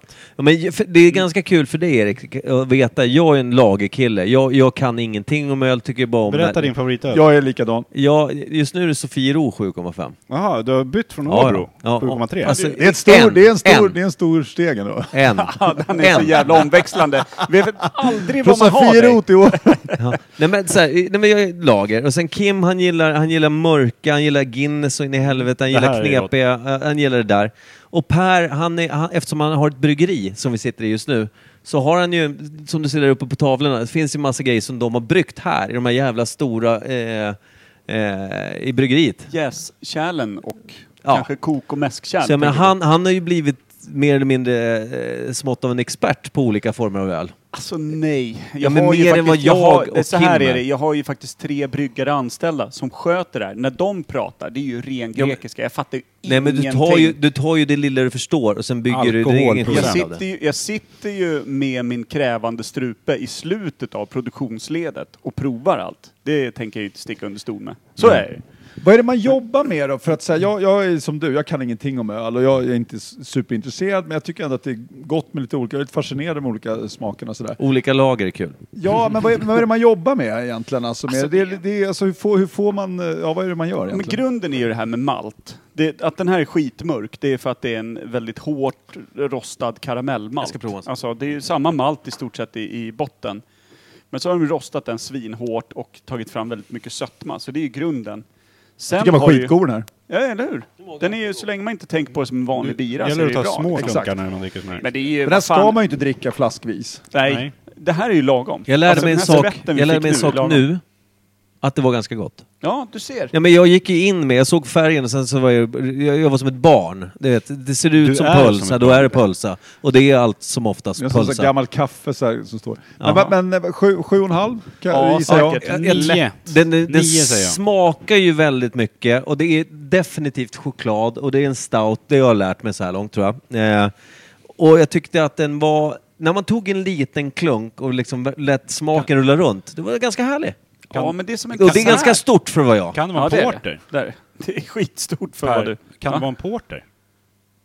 Nej, Eller det är det här är en stout. det här är nog Kim, fan vad är skillnaden på porter och en stout då? Stout är oftast krämigare. Och Lite tjockare då? Mjukare, ja. Guinness är en, är en, en Stout. Ja, men alltså porter och stout är, kan vara exakt samma Ja. sak också beroende på var du befinner dig geografiskt. Det är ungefär som whisky och whisky. Mm. Alltså, Jag skitsamma. Det är så jävla mycket nördrunkeri där ute. Folk Mm. bara håller på och så ska de berätta för alla vad det är. Fan, tycker man det är gott så är det gott. Tycker man att det smakar skit så smakar skit. Låt mig vara era jävlar. Alla har samma mål. Vi vill bli packade, kolla på brudar, hålla käften, gå hem och sen typ vakna upp i exakt samma stadie som vi var i liksom förra söndagen. Vi mår dåligt, det är ångest, man tycker inte om sig själv, sin fru, sitt liv, sitt jobb eller sin lägenhet som dessutom då är smutsig för att du har öppnat en chipspåse i fel sida och tömt i soffan. Och klampar Vilket runt starkt i. tal du hade. Och klampar runt i och somnar. Jag, jag, Ja. jag, gjorde, jag gjorde en liten backtrack till förra söndagen bara. Får jag då bara skjuta in? igenom- De här är trött- igenom det de- Jag är helt rörd här. Är så starkt. De har bara- tröttnat på det här. Han bara brought out life. The fucking core of life. Erik, de har jag bara tröttnat på det här. fick det in my face. Jag var inte redo man. Det är löpningar och söndagsdikter du inte tål, för då är tårkanalerna fan Jag påskruvade. var inte redo bror för sanningen så här. Alltså. Jag kommer med min, min lilla eh, podd-haiku nu då. Nej det gör jag inte. Nej. Jag, jag blir inte bakfull vill jag säga bara. Inte? Har aldrig blivit. Det är sant. Jag, jag älskar att du har dragit Det är en upp superkraft. Två, jag älskar att du har dragit upp två grejer där du har varit så här. Erik, det här kan vara intressant för dig att veta. Nej, nej. Eh, jag gillar lager. Jag uppskattar informationen. Jag, tycker det här är, det här är så, här- jag hade gillat det här på Twitter. Liksom. Jag gillar lager, jag blir aldrig bakis. Det är allt jag behöver veta. Alltså, ja. Förlåt att jag är en planet. Hallå, Ja, det är, det nej, men- inte riktigt det är lätt att ha den tyngden. Nej, men du har också Dragningskraften. rätt i och med att du är lite utav en annan sort. Mm. Och då är det kul att få information från det parallella universumet där du Men, befinner alltså, dig. men man kan inte bara, du kommer med sån här otroligt avslöjande att han aldrig blir bakfull. Det påverkar ditt liv. Alltså det, måste, det är en helt, liksom, för, för mig är det en stor anledning att jag dricker ganska lite. Jag hatar att vara bakis. Ja. Och jag blir det nu när jag kör den här periodiska fastan, så tre bärs för mig, liksom, det är, that, that's the limit. Förut kunde jag ju dricka tio. Dricka tre, över tre nu så blir jag riktigt bakfull. Alltså, hur har det påverkat ditt liv? Ja men det är att jag hatar alla som hatar att jag inte blir bakis. Det är det jobbigaste tror jag. För att eh, när man tar upp det, må- n- när någon säger, när folk har ju alltid snack om fan vad jobbigt det var i söndags. Och så jävla bakfull, kunde inte göra det här, kunde inte göra det här och frugan var extra ful för att jag liksom, jag orkar inte sena och sådana saker. Och det är så här, ja, jag känner inte igen det. Alltså när man säger det så är det så här, vadå inte känner igen? Det är klart du var bakfull. Och då måste man någonstans säga, jag har aldrig varit bakfull. Får jag bara säga, när du sa din extra ful, är det ett Norrtäljeuttryck för att extra arg? Eller?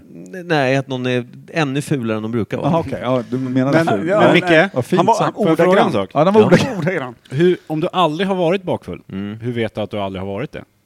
Nej men det vet jag inte, men jag har aldrig mått speciellt Mm, dåligt. Matrix-fråga. Ja. alltså. Ja, Så här, man. max, max efter, man har ju druckit kopiösa mängder olika former av alkohol. Duktig på att blanda också, men det har slagit slint på fyllan och sånt. Det är inte samma sak. Nej. Men däremot då dagen efter ska det vara så att man har ångest, ågren och, och man mår dåligt, man ligger på soffan, Men kan inte röra huvudet? sig. Ja, men det, nej. Nej. Och det gör du aldrig? nej. Det är otroligt fascinerande. Trött, ja. That's it. Men du borde ju, man borde ju alltså göra, Sur test, man borde göra tester på dig alltså. Ja. Vad är du? What are you? Exakt. Diabetiker, vi 40 år Så och... man kan eh, lägga ihop det när man ska klona fram den perfekta ungen. Kolla den här levern, vi ska bara ha... Mm. Det, är det, Inget det, annat det där är det enda vi vill ha. är precis. fan inget Rör inget annat. Sålla bort resten. Hans lever ska gå till... Men det var kul att du fick någonting bra. Min far har ju precis samma dilemma, vilket inte är ett dilemma utan det är en fröjd. Icke bakfyll.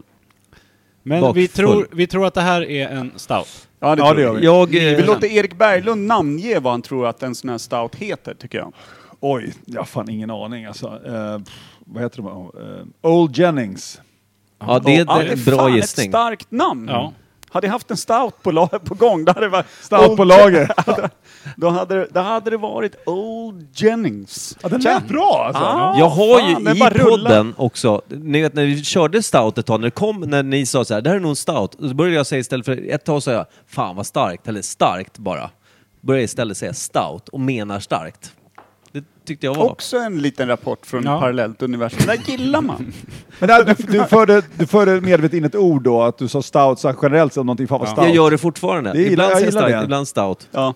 För ingen, ingen utanför den här podden förstår vad jag menar. Va? Säger de ofta, om de lyssnar. Men det är fascinerande när man liksom så, så medvetet planterar ett uttryck. Jag hade en kollega på jobbet som ville bli kallad Rally. Han heter Rasmus. Jag blev kallad Rally.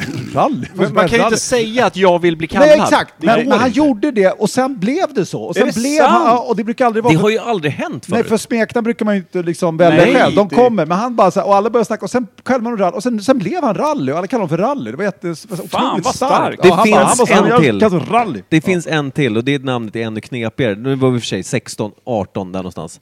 Det finns en kille som heter Niklas som ville kallas Hulkarsle. Hulkarsle. Han kallades Hulkarsle. Och Ja, men hette väljer man tills- det så...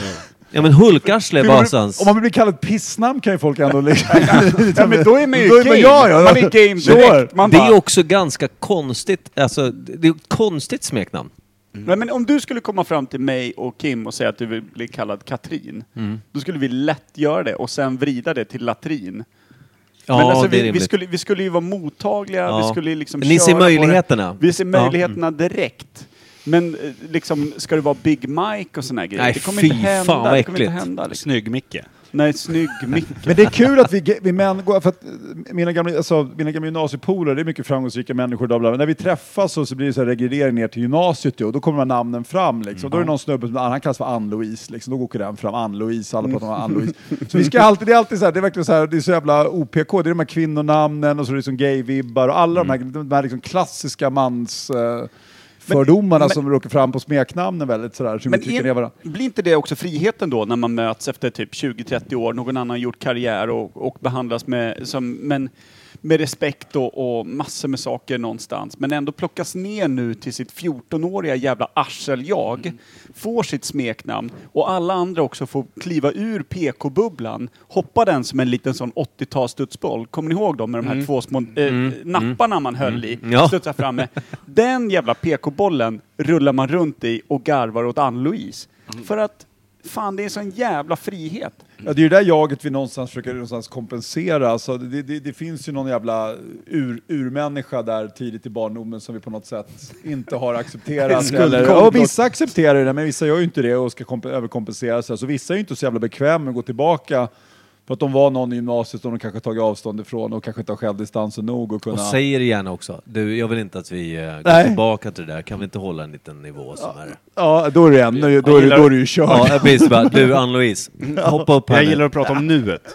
Ja, just det. Jag lever i nuet då, det där har jag lagt bakom mig. jag och Micke har ju en polare som ska är vara. liksom eh, feminist och eh, typ naturkämpe och det ena med det tredje. Men som om man backtrackar går att hitta i liksom konvolutet till Ultima Thules andra EP.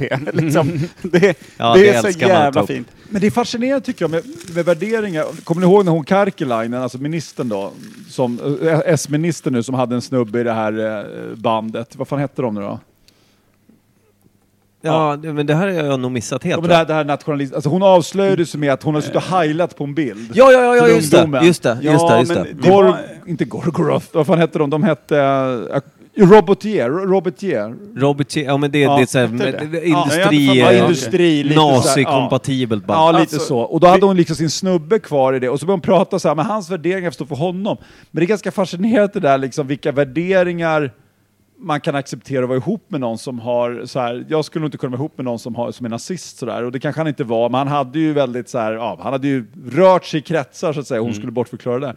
Så att när folk pratar om så här, du som, din polare som du sa nu, som, som hade suttit och Eh, eh, Exakt, jag Ja. har varit med på Ultima Thules konvolut där för att han var med på någon konsert och stod och Hur mycket heilade kan man någonstans. omvända sig? Man kan omvända sig en del. Många var säkert med i de här kretsarna för att de var svaga och unga och så vidare också. Men det finns alltid en viss skepsis mot mig, mot folk som var mm. ultrasadister i vet, gymnasiet, så, här, så de var helt eh, omvända liksom. Jag, I really don't believe that shit. Nej. Någonstans finns den kvar. Ja, det är så. Men den här heter Narval i alla fall. Från Narval? Ja, Narval. Den ska jag fan köpa någon Från Sierra gång. Nevada. Utmana mig. Berätta, vad är det för någonting då? Det är en Imperial Stout. Det var en stout. Vad Och betyder den- Imperial igen? Imperial att den är betyder att det är CP-stark? över 8 procent. Det Ja, är just det. 10,2 procent. Åh fy Åh, fan vad jävlar. lagom. Oh, den är ju verkligen sen bara driver tag alltså. Ja. Ja, Ja, man domnar bort i ansiktet om man dricker vi brukar säga att knuff, vilket är alkoholmängd, är, är positivt. ja, det är en bra knuff i den här jäveln. Ja. Narval hade en bra jävla knuff i sig. Så enkelt Jag känner av den där alltså. Ja, jag också. Jag tänkte också... Men du är inne i också i en fasta. Ja. En löparperiod. Så är det. Men jag löper. På med Narval, hundblöja. Narval är väl ett ställe låter som va? Det är väl en. Narvik. Narvik i Norge. Ja, det kan vara därför. Jag tänker på Narvik. Men Det är ett djur. en narval, Ja, Ja. narval är ett djur. kan en Men långa- val vara narig var min nästa fråga. En narig val, det är en Men- torr val va? Ja, men na narvalshorn ja, eh, var ju ja, ja, ja. eftertraktat som ja just det. satan. Den är här. ju där ja, för fan. Där är Visst det- har de ett Ja. långt horn? Du har helt hörde rätt. att det- vikingarna jagade sådana där Ja. och såg av hornen och sålde nere i Mellanöstern som enhörningshorn. Ja, just det. det Det var magiskt. därför man eh, kände igen... Eh, Vi har ju knappt någon tidsbestämmelse eftersom det är, Det är femårsjubileum idag. jubileum. Vi firar ju, vi dricker stout och Berlin är glad och Erik är här. Eh, vad heter, vi, ska, vi, vi kör en riktigt kackig liten eh, trudelutt igen då. ja, ska jag höja igen då? Ja, Höj igen och så sänker du oss. Åh fy fan. Fy fan. Har ni mig säga fy fan? Hur, hur, hur går det tycker du? Nej, det går jättedåligt. Tekniken är inte superdålig. Nytt ämne.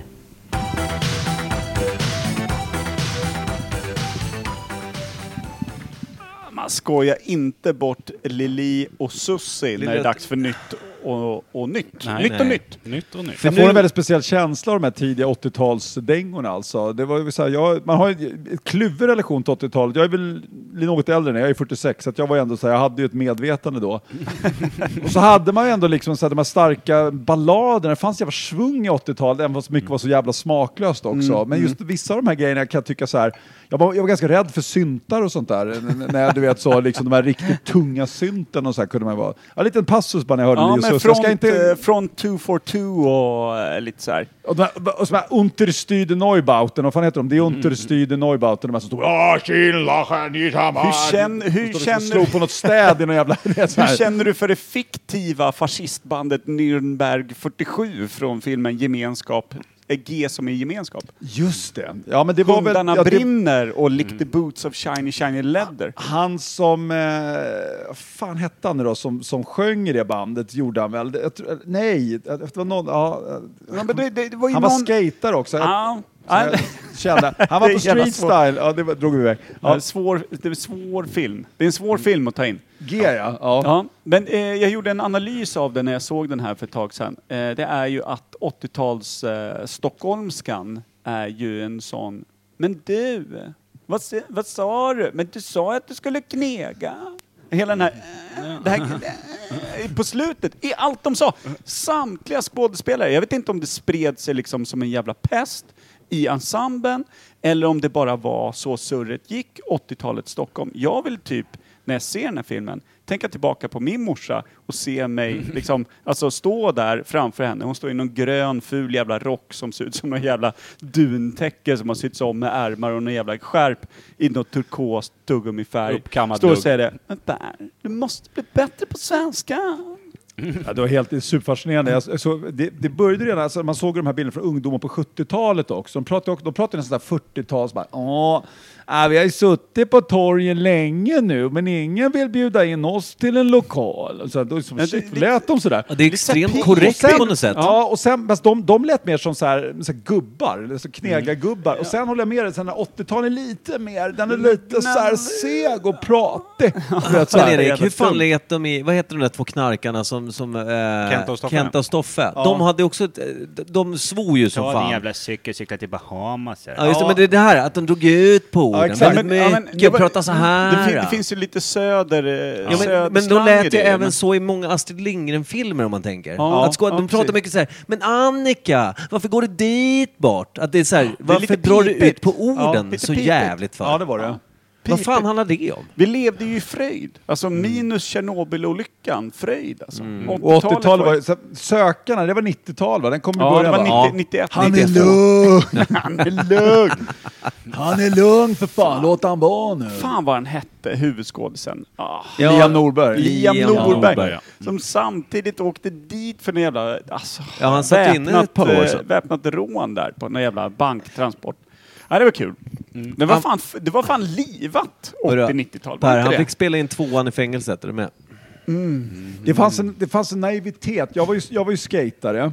Klart det var. Så att jag, precis. Jag började skata 86 då, hatta runt där med en Variflex-bräda åt helvete. när sa du? När, när, när gjorde du det? 86 skulle jag säga. Jag var 86, 11 då och hade börjat skata. Har ni skatat någonting? Ja, då. 90-tal. Mer, Ja, bar, mer bar på en bräda än Ja, faktiskt Ja, det var studier. Men jag, men jag var så säga. hardcore. Det är så jag så har varit med allting. Samma sak som stand-up. Jag har gått så övat, övat, skrivit, kört. Samma sak med musik. Jag stod i replokalen 90-tal och spelade rock'n'roll. Liksom så här. Blev aldrig något, men jag stod bara så här nere. och Snart kommer någon komma och knacka på dörren och bara se att jag är så jävla bra. ja, men det har varit lite min grej. Så lite, lite fear of success skulle jag säga. Men sen då med, med, med skaten var verkligen så vi körde så jäkla hårt. Och sen och det var ju slutet, då började liksom, ja men då var det den här skatepunken, alltså det var ju Bad Religion, det var, det var de här, ja, de här banden, och det var en jävla så här, samtidigt som det korrelerade ju en del med Ny Demokrati och Ja, det var ju det. hela skinhead-grejen, det var de här demonstrationerna i- Kungsan och kravallerna, VAM och BSS och allt det. Så det var en så ganska, det var en ganska turbulent tid, men det var också så här väldigt naiv. Man kunde göra så, vi, vi filmade ju väldigt mycket då, alltså tänk om vi hade haft de här möjligheterna då, men vi filmade och man höll på liksom bara hasslade folk på gatan. Det var så här, det, det var en sorglöshet på något sätt som, som inte riktigt eh, finns där idag. Och det, var, och, det här med att, och, det här med att bli kränkt är ju alltid så här, det är alltid lätt att vara en vit stor snubbe och prata om att fan vad folk blir kränkta nu. Va? Eh, och det är ju det. Så att även om jag kan tycka att vissa grejer går långt och man ska försöka hitta någon form av för, fördelad grupp var som helst, va? Så, så är det ju ändå klart att vi har kommit lite längre och då var det ju inte så. Då kunde du säga liksom vad fan, och då kan man kanske till tillbaka med en någon sorts eh, romantik i det. Att, ja, fan, då kunde man minsann säga vad man vill, men det fanns ju folk som fanns på andra sidan av de där skämten, som kanske inte uppskattade det lika Nej. mycket. Så att, och det är ju samma sak, ja, du kan skämta om allting, fråga om du är rolig. Du, all, du måste förhålla dig till din tid, liksom. Eller vad fan folk tänker och tycker, och så måste du vara rolig i det. Så du kan skämta om allt om du gör det kul. Men du kan inte säga, du kan inte skämta om homosexuella på samma sätt nu som du gjorde på 90-talet. Eller Du kommer inte få något garv i alla fall. Och du kan inte skämta, jag menar, som Sverige uttalar som, alltså Sveriges jargong kring judar på 30-talet, den var ju inte som, den var jävligt hård också. Det, alltså, det var ju så här, okej, Hitler gick ju för långt va. Men det fanns ju en diskussion i Europa, det fanns en diskussion kring judar och vi, och vi fanns ju tidningar att det fanns ju högerskribenter som höll med om att det fanns ett judeproblem, absolut. Och du vet, så, här, så, att, så att även om man inte ville att man skulle gasa ihjäl dem, så att det fanns ju en kontext som att på svensk standup-scen på 30-talet hade du kunnat skämta kring judar på ett sätt som ingen hade reagerat på, för det var ju så man förhöll sig då. Så det, det, det förändras hela tiden. Men det var en Ja. intressant period tycker jag, där, för att återknyta 89-90. Otroligt kreativ period. Det var precis när hiphopen kom, den tidiga 90-tals hiphopen och så, så det var ju jävla, jävla Infinite grymt. alltså. Mass och Nirva Kings och Nirvana kom och bara liksom, och det var ju helt otroligt. Jag kommer ihåg när jag såg liksom Nirvana, Smells Teen Spirit första gången. Det var så att man fick bara en sån här smäll, man bara kände så här tidens, tiden bara vände blad så här. Och det var så bara att de högg ju ner alla 80-talsband med jävla, med jävla lie. Liksom så här, whack! På en sekund så bara dog det. Var, det, var det, det var nog det största så här, paradigmskiftet man själv fick vara med om. Sen kom ju internet och allt det där såklart, men det var en så här stor grej, att det var en så här stor cultural shift där. Ja, men stod Mot gäng- alternativa. Ja, men Nirvana upplevdes ju för fan som fyra hemlösa som hade hittat lite instrument på en bakgård och helt plötsligt Det bara körde tre över från början, Per. Tre ursprungligen, Ja, sen kom ju Pat Smear. Ja, okej, okej. Ja, sorry me. Andra gitarristen kom ganska sent va? Typ 93 va? Eller vad Men fan var det? likadant, roliga var i samma, i samma era, alltså här början 90-tal, så kom ju också Rage Against the Machine Ja, som också det. Körde, som stod, stod ett stort stamp på Nirvana för de tyckte inte att ni tar inte tillräckligt stort politiskt ansvar Nej, i det, det. ni håller på De med. sket ju i. Så att det, det är också så här intressant att det, det liksom helt plötsligt från det här eh, mysiga 80-talet där allt krut låg på en härlig refräng. Du kunde sjunga om att du hade blivit bedragen 14 gånger i helgen, men det skulle vara glättigt och upptakt. Lite dansband bara. Ja, det är bara man kan dansa till det så är det lugnt. Men sen, sen kom ju också då som en följdvåg kom ju eh, hardcore-scenen i 95 ju. Umeå har vi ju. Vi har ju Ja. Refused och de där banden uppifrån. Men det är spännande, på 80-talet hade du, liksom, du hade ju Live Aid, du hade en, en, det fanns ju en politik i musiken. De kanske inte nödvändigtvis sjöng politiska texter, men du har ju ändå liksom Sting, låten Russians som är jävligt aktuell idag kan man lugnt säga. Den är fan hemskt att höra med tanke på det som hänt. Sting var för jävla bra, har du visat mig. Ja. Det var han, men det är fascinerande, så det fanns en aspekt, en politisk aspekt i det, men sen blev det ju som du säger den här liksom, och den här kollaborationen mellan hiphop och rock hade börjat redan på Run DMC-tiden där, och sen Just hade du Aerosmith? Aerosmith Run DMC, och den var ju, tyckte man ju var så jävla fett. Eh, Ja, vad fan vad kallades den? Var det så här, hip, way, eh, metal rap kallades det va? Eller vad fan var Rap det? metal. Rap metal till och med. Jag, metal, jag ja. drog fel Och ord. Men det Tyvärr. kom nog senare som begrepp, skulle jag, jag skulle säga efter, så vad hette de, Papa Roach? Ja, och sen, och sen Ja, hade de men- här eh, DOA, vad hette de? EOD? POD. Ja. POD. We are, we are, Ja. the youth of the generation. Youth of, de Youth of the Nation. Ja, just det. Just Och sen såklart Linkin Park. Ja, ja. Ja. Och Limp Men in- Bizkit hatade jag ju. innan- Nu metal var det Ja, värsta. jag hatade Ja. också Limp Men Bizkit. innan det så var ju Biohazard de stora. Ja, de körde ändå ganska lite rap metal, eh, Det var ju något helt annat. Då Verkligen. körde ju Biohazard och Onyx vänta, ihop. vänta. Då var det ju det. Du hade Clawfinger. Clawfinger körde ju också den. Tell me Ja. the truth you sucker! Ja, ja. Det We wanna hear the truth! Alltså man har aldrig sett en kille med mer värmländsk, nazistisk, fascistisk uppsyn som den. Och sen släppa låten. den nu, så det. Och skriva lå- låten Nigger helt liksom ofiltrerat eh, gentemot sig själv. You are the real niggas! You are the real... Man bara, Och, så okej. upp, och refrängen var ju, det var ju fullspäckad av n-ordet. så att Ja, säga. vi får lugna oss lite med det. Men de gjorde ju comeback här nu och ska ha släppt ny, ny turné. Clawfinger. Clawfinger, det var ju Okej. fan lite Fan vad oväntat ändå. Men undrar om den står på setlistan? Står, står, den, står den som första låt? En word bara. Ja, ja gud. Ja, det är fan intressant. Så har de bytt ut till pip bara. Pip, pip, pip. Ja, Alltså, kör det kan bli piplåten. jävligt speciellt. Men hade vi något ämne? Alltså jag tror Ja, att... men grejen är att jag, Eller tror att, skiter vi, vi i jag det? tror att vi har sur, liksom, Ja. eh, surplat oss förbi ämnet. Det egentliga ämnet var ju Stephen Hawkins. Jag känner inte riktigt Jag att vi känner har att han- landat i hans rullstol under den här diskussionen. Jag Men kan vi- gå till honom om du vill. Absolut. Ja, det, det- alltså, det, är väl det, det som är lite roligt, det är väl det jag skulle flika in och säga så här. Ofta har vi ett ämne, ibland mer eller mindre planerat. Och sen så börjar vi prata om något annat och ibland släpper vi ämnet för vi har börjat surra så jävla bra om något annat som Ja. blev typ ämnet. Eh, men det vi hade planerat var Stephen Hawkins. Men det Eh, kan vi ju skjuta på till någon annan gång. Är, alltså, jag gillar ju Stephen Hawkins på något sätt. Han känns Ja. så jävla rock'n'roll. Alltså stillsam rock'n'roll. det är inte så jävla mycket rock'n'roll kanske i den där rullstolen. Ja, men från början tror jag. men, alltså, tror jag han var en riktig jävla vilde. Alltså en kille som skaffar sig en älskarinna när man har rörlighet i precis bara liksom höger överläpp. Det är ju för Det är fan- självförtroende. Alltså det är, Men vilken det är jävla jävla rörelse. Finns det mer, finns det mer Men- rock'n'roll än det? Men liksom hur bra rörelse har han i överläppen? Det är kanske hur jävla bra som helst. Ja. Det fladdrar som en kolibris vingar över Ja, den där blygden. Det är fascinerande hur man med den, alltså att vara så liksom funktionsvarierad, eh, är väl termen. Otroligt fint sagt. Tack. Eh, Grönsak, säger vi. Det ordet har aldrig, alltså funktionsvarierat har Vänta. aldrig landat Nej, jag- på. Vänta, prova, prova det skämtet på Erik, bara innan vi går vidare. Eh, Var, var det jobbiga, eller svåraste är att äta på en grönsak? ja. Rullstolen. Alltid lika kul. det är alltid lika kul. Prova men det den tycker för jag. publik någon Ja, gång. det tycker jag. Men, Ja, det, men det, kör. det, var, det var ändå kul, det, var, det Ja, måste jag säga. Det, Den det är fanns någonting under där. bältet.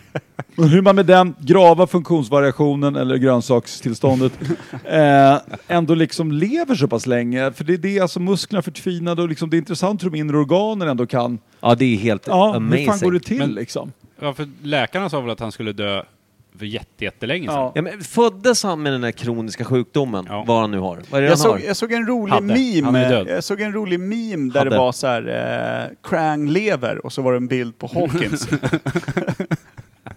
Nej men föddes han med den? Det var så? Ja, det gjorde han. Jag tror det. Vad heter han- sjukdomen? Man har väl sett bilder på honom nej, han nej, nej, nej, nej, nej, nej, nej, nej, han föddes inte med den. Nej. han, han det, det var en nervsjukdom Ja. han fick när han var typ Och vad runt heter 19, nervsjukdomen? 18, 19. Ja, det vet jag inte. Ja, det är ju inte ALS, men det är något... Det är något Det, Det är måste vara liknande och det är snudd... inte Men ALS Parkinson går väl satfort, Ja, gör de den det? Ja, och det är inte Mm. Parkinson heller riktigt tror jag. Det var, det, det var någon nervsjukdom han fick när han var 18-19. Han var ju Nervis. fullt funktionell, superbegåvad, allting, eh, levde på något universitet. Har ni inte sett filmen? Nej. Nej, nej, har inte det. Därför Nej, är det men- ett rimligt ämne. Nej, och det är därför. Och det enda som fastnade på mig från filmen var att han lyckades få en älskarinna när han hade känsel och rörelse i eh, övre höger läpp. Mhm. Det satte sig djupt i mig. Där tänkte jag så här, alltså, det kan bli riktigt gammal. kan vara hon som var den som gillar det. det. kan vara hon som gillar det där, det vi pratade om för några avsnitt sedan när Janne var med, Westerlund. När vi pratade stomipåse, vad man kan göra med hålet som inte används. Om du minns. Ja, att det alltid är tvättat. Ja, exakt. Obrukbart för skit men eh, fylls för andra Alltså, ändamål. någonting som har haft en praktisk funktion som nu bara är ett nöjesfält. Alltså tänk Docklands. Det var en industri, nu har vi bara kul här. Exakt. Ungefär samma Det kan ju basgång. vara hennes grej så här. Jag Kroppens gillar... docklands. Ja, det precis. Jag gillar att så. pilla en skit där, men jag blir alltid smutsig om fingrarna, långa naglar. Vad gör jag? Och så Stephen Hawkins dyker upp. Och så är det klart. Jag ser inte riktigt Man- hur du löste det. Men Man kopplar ekvation- bara ur datorn för honom så kan han inte säga nej heller. Nej. Det är perfekt. No. Men frågan, är ju, No. frågan är ju så här, Stephen Hawkins då, eh, vad är det han har tagit fram? Ja, Alltså, det var det- det jag funderar på också. för- Vad är det? Einstein har ju den här eh? Relativitetsteorin. relativitetsteorin och vi har eh, Pythagoras sats, vi har massor med sådana här saker. Mm. Men vad var, det, vad var det Hawkins var så jävla bra på? Han höll på mycket med svarta hål och. Mm. universum och grejer. Ja, han var väl ast Gymden. astrofysiker, eller vad fan heter det då när man håller på i rymden? En klassisk MIT-snubbe va? Ja, det tror jag. Berglund, Ja, precis. Jag, din take på Hawkins, vad, Jo. har han, vad har han gett oss? Nej, men jag tror att det är liksom struktur, form och egenskaper hos svarta hål. Det, det tror jag att han tog rätt långt. Mm. Eh, jag vet inte om det var han som... som Sitt, sitt egna de bevisar, precis, de bevisades ju, det var ju ganska nyligen man tog första bilden på dem. Mm. Och hur man liksom kunde bevisa att de fanns, om det var han som gjorde det, det minns jag inte riktigt.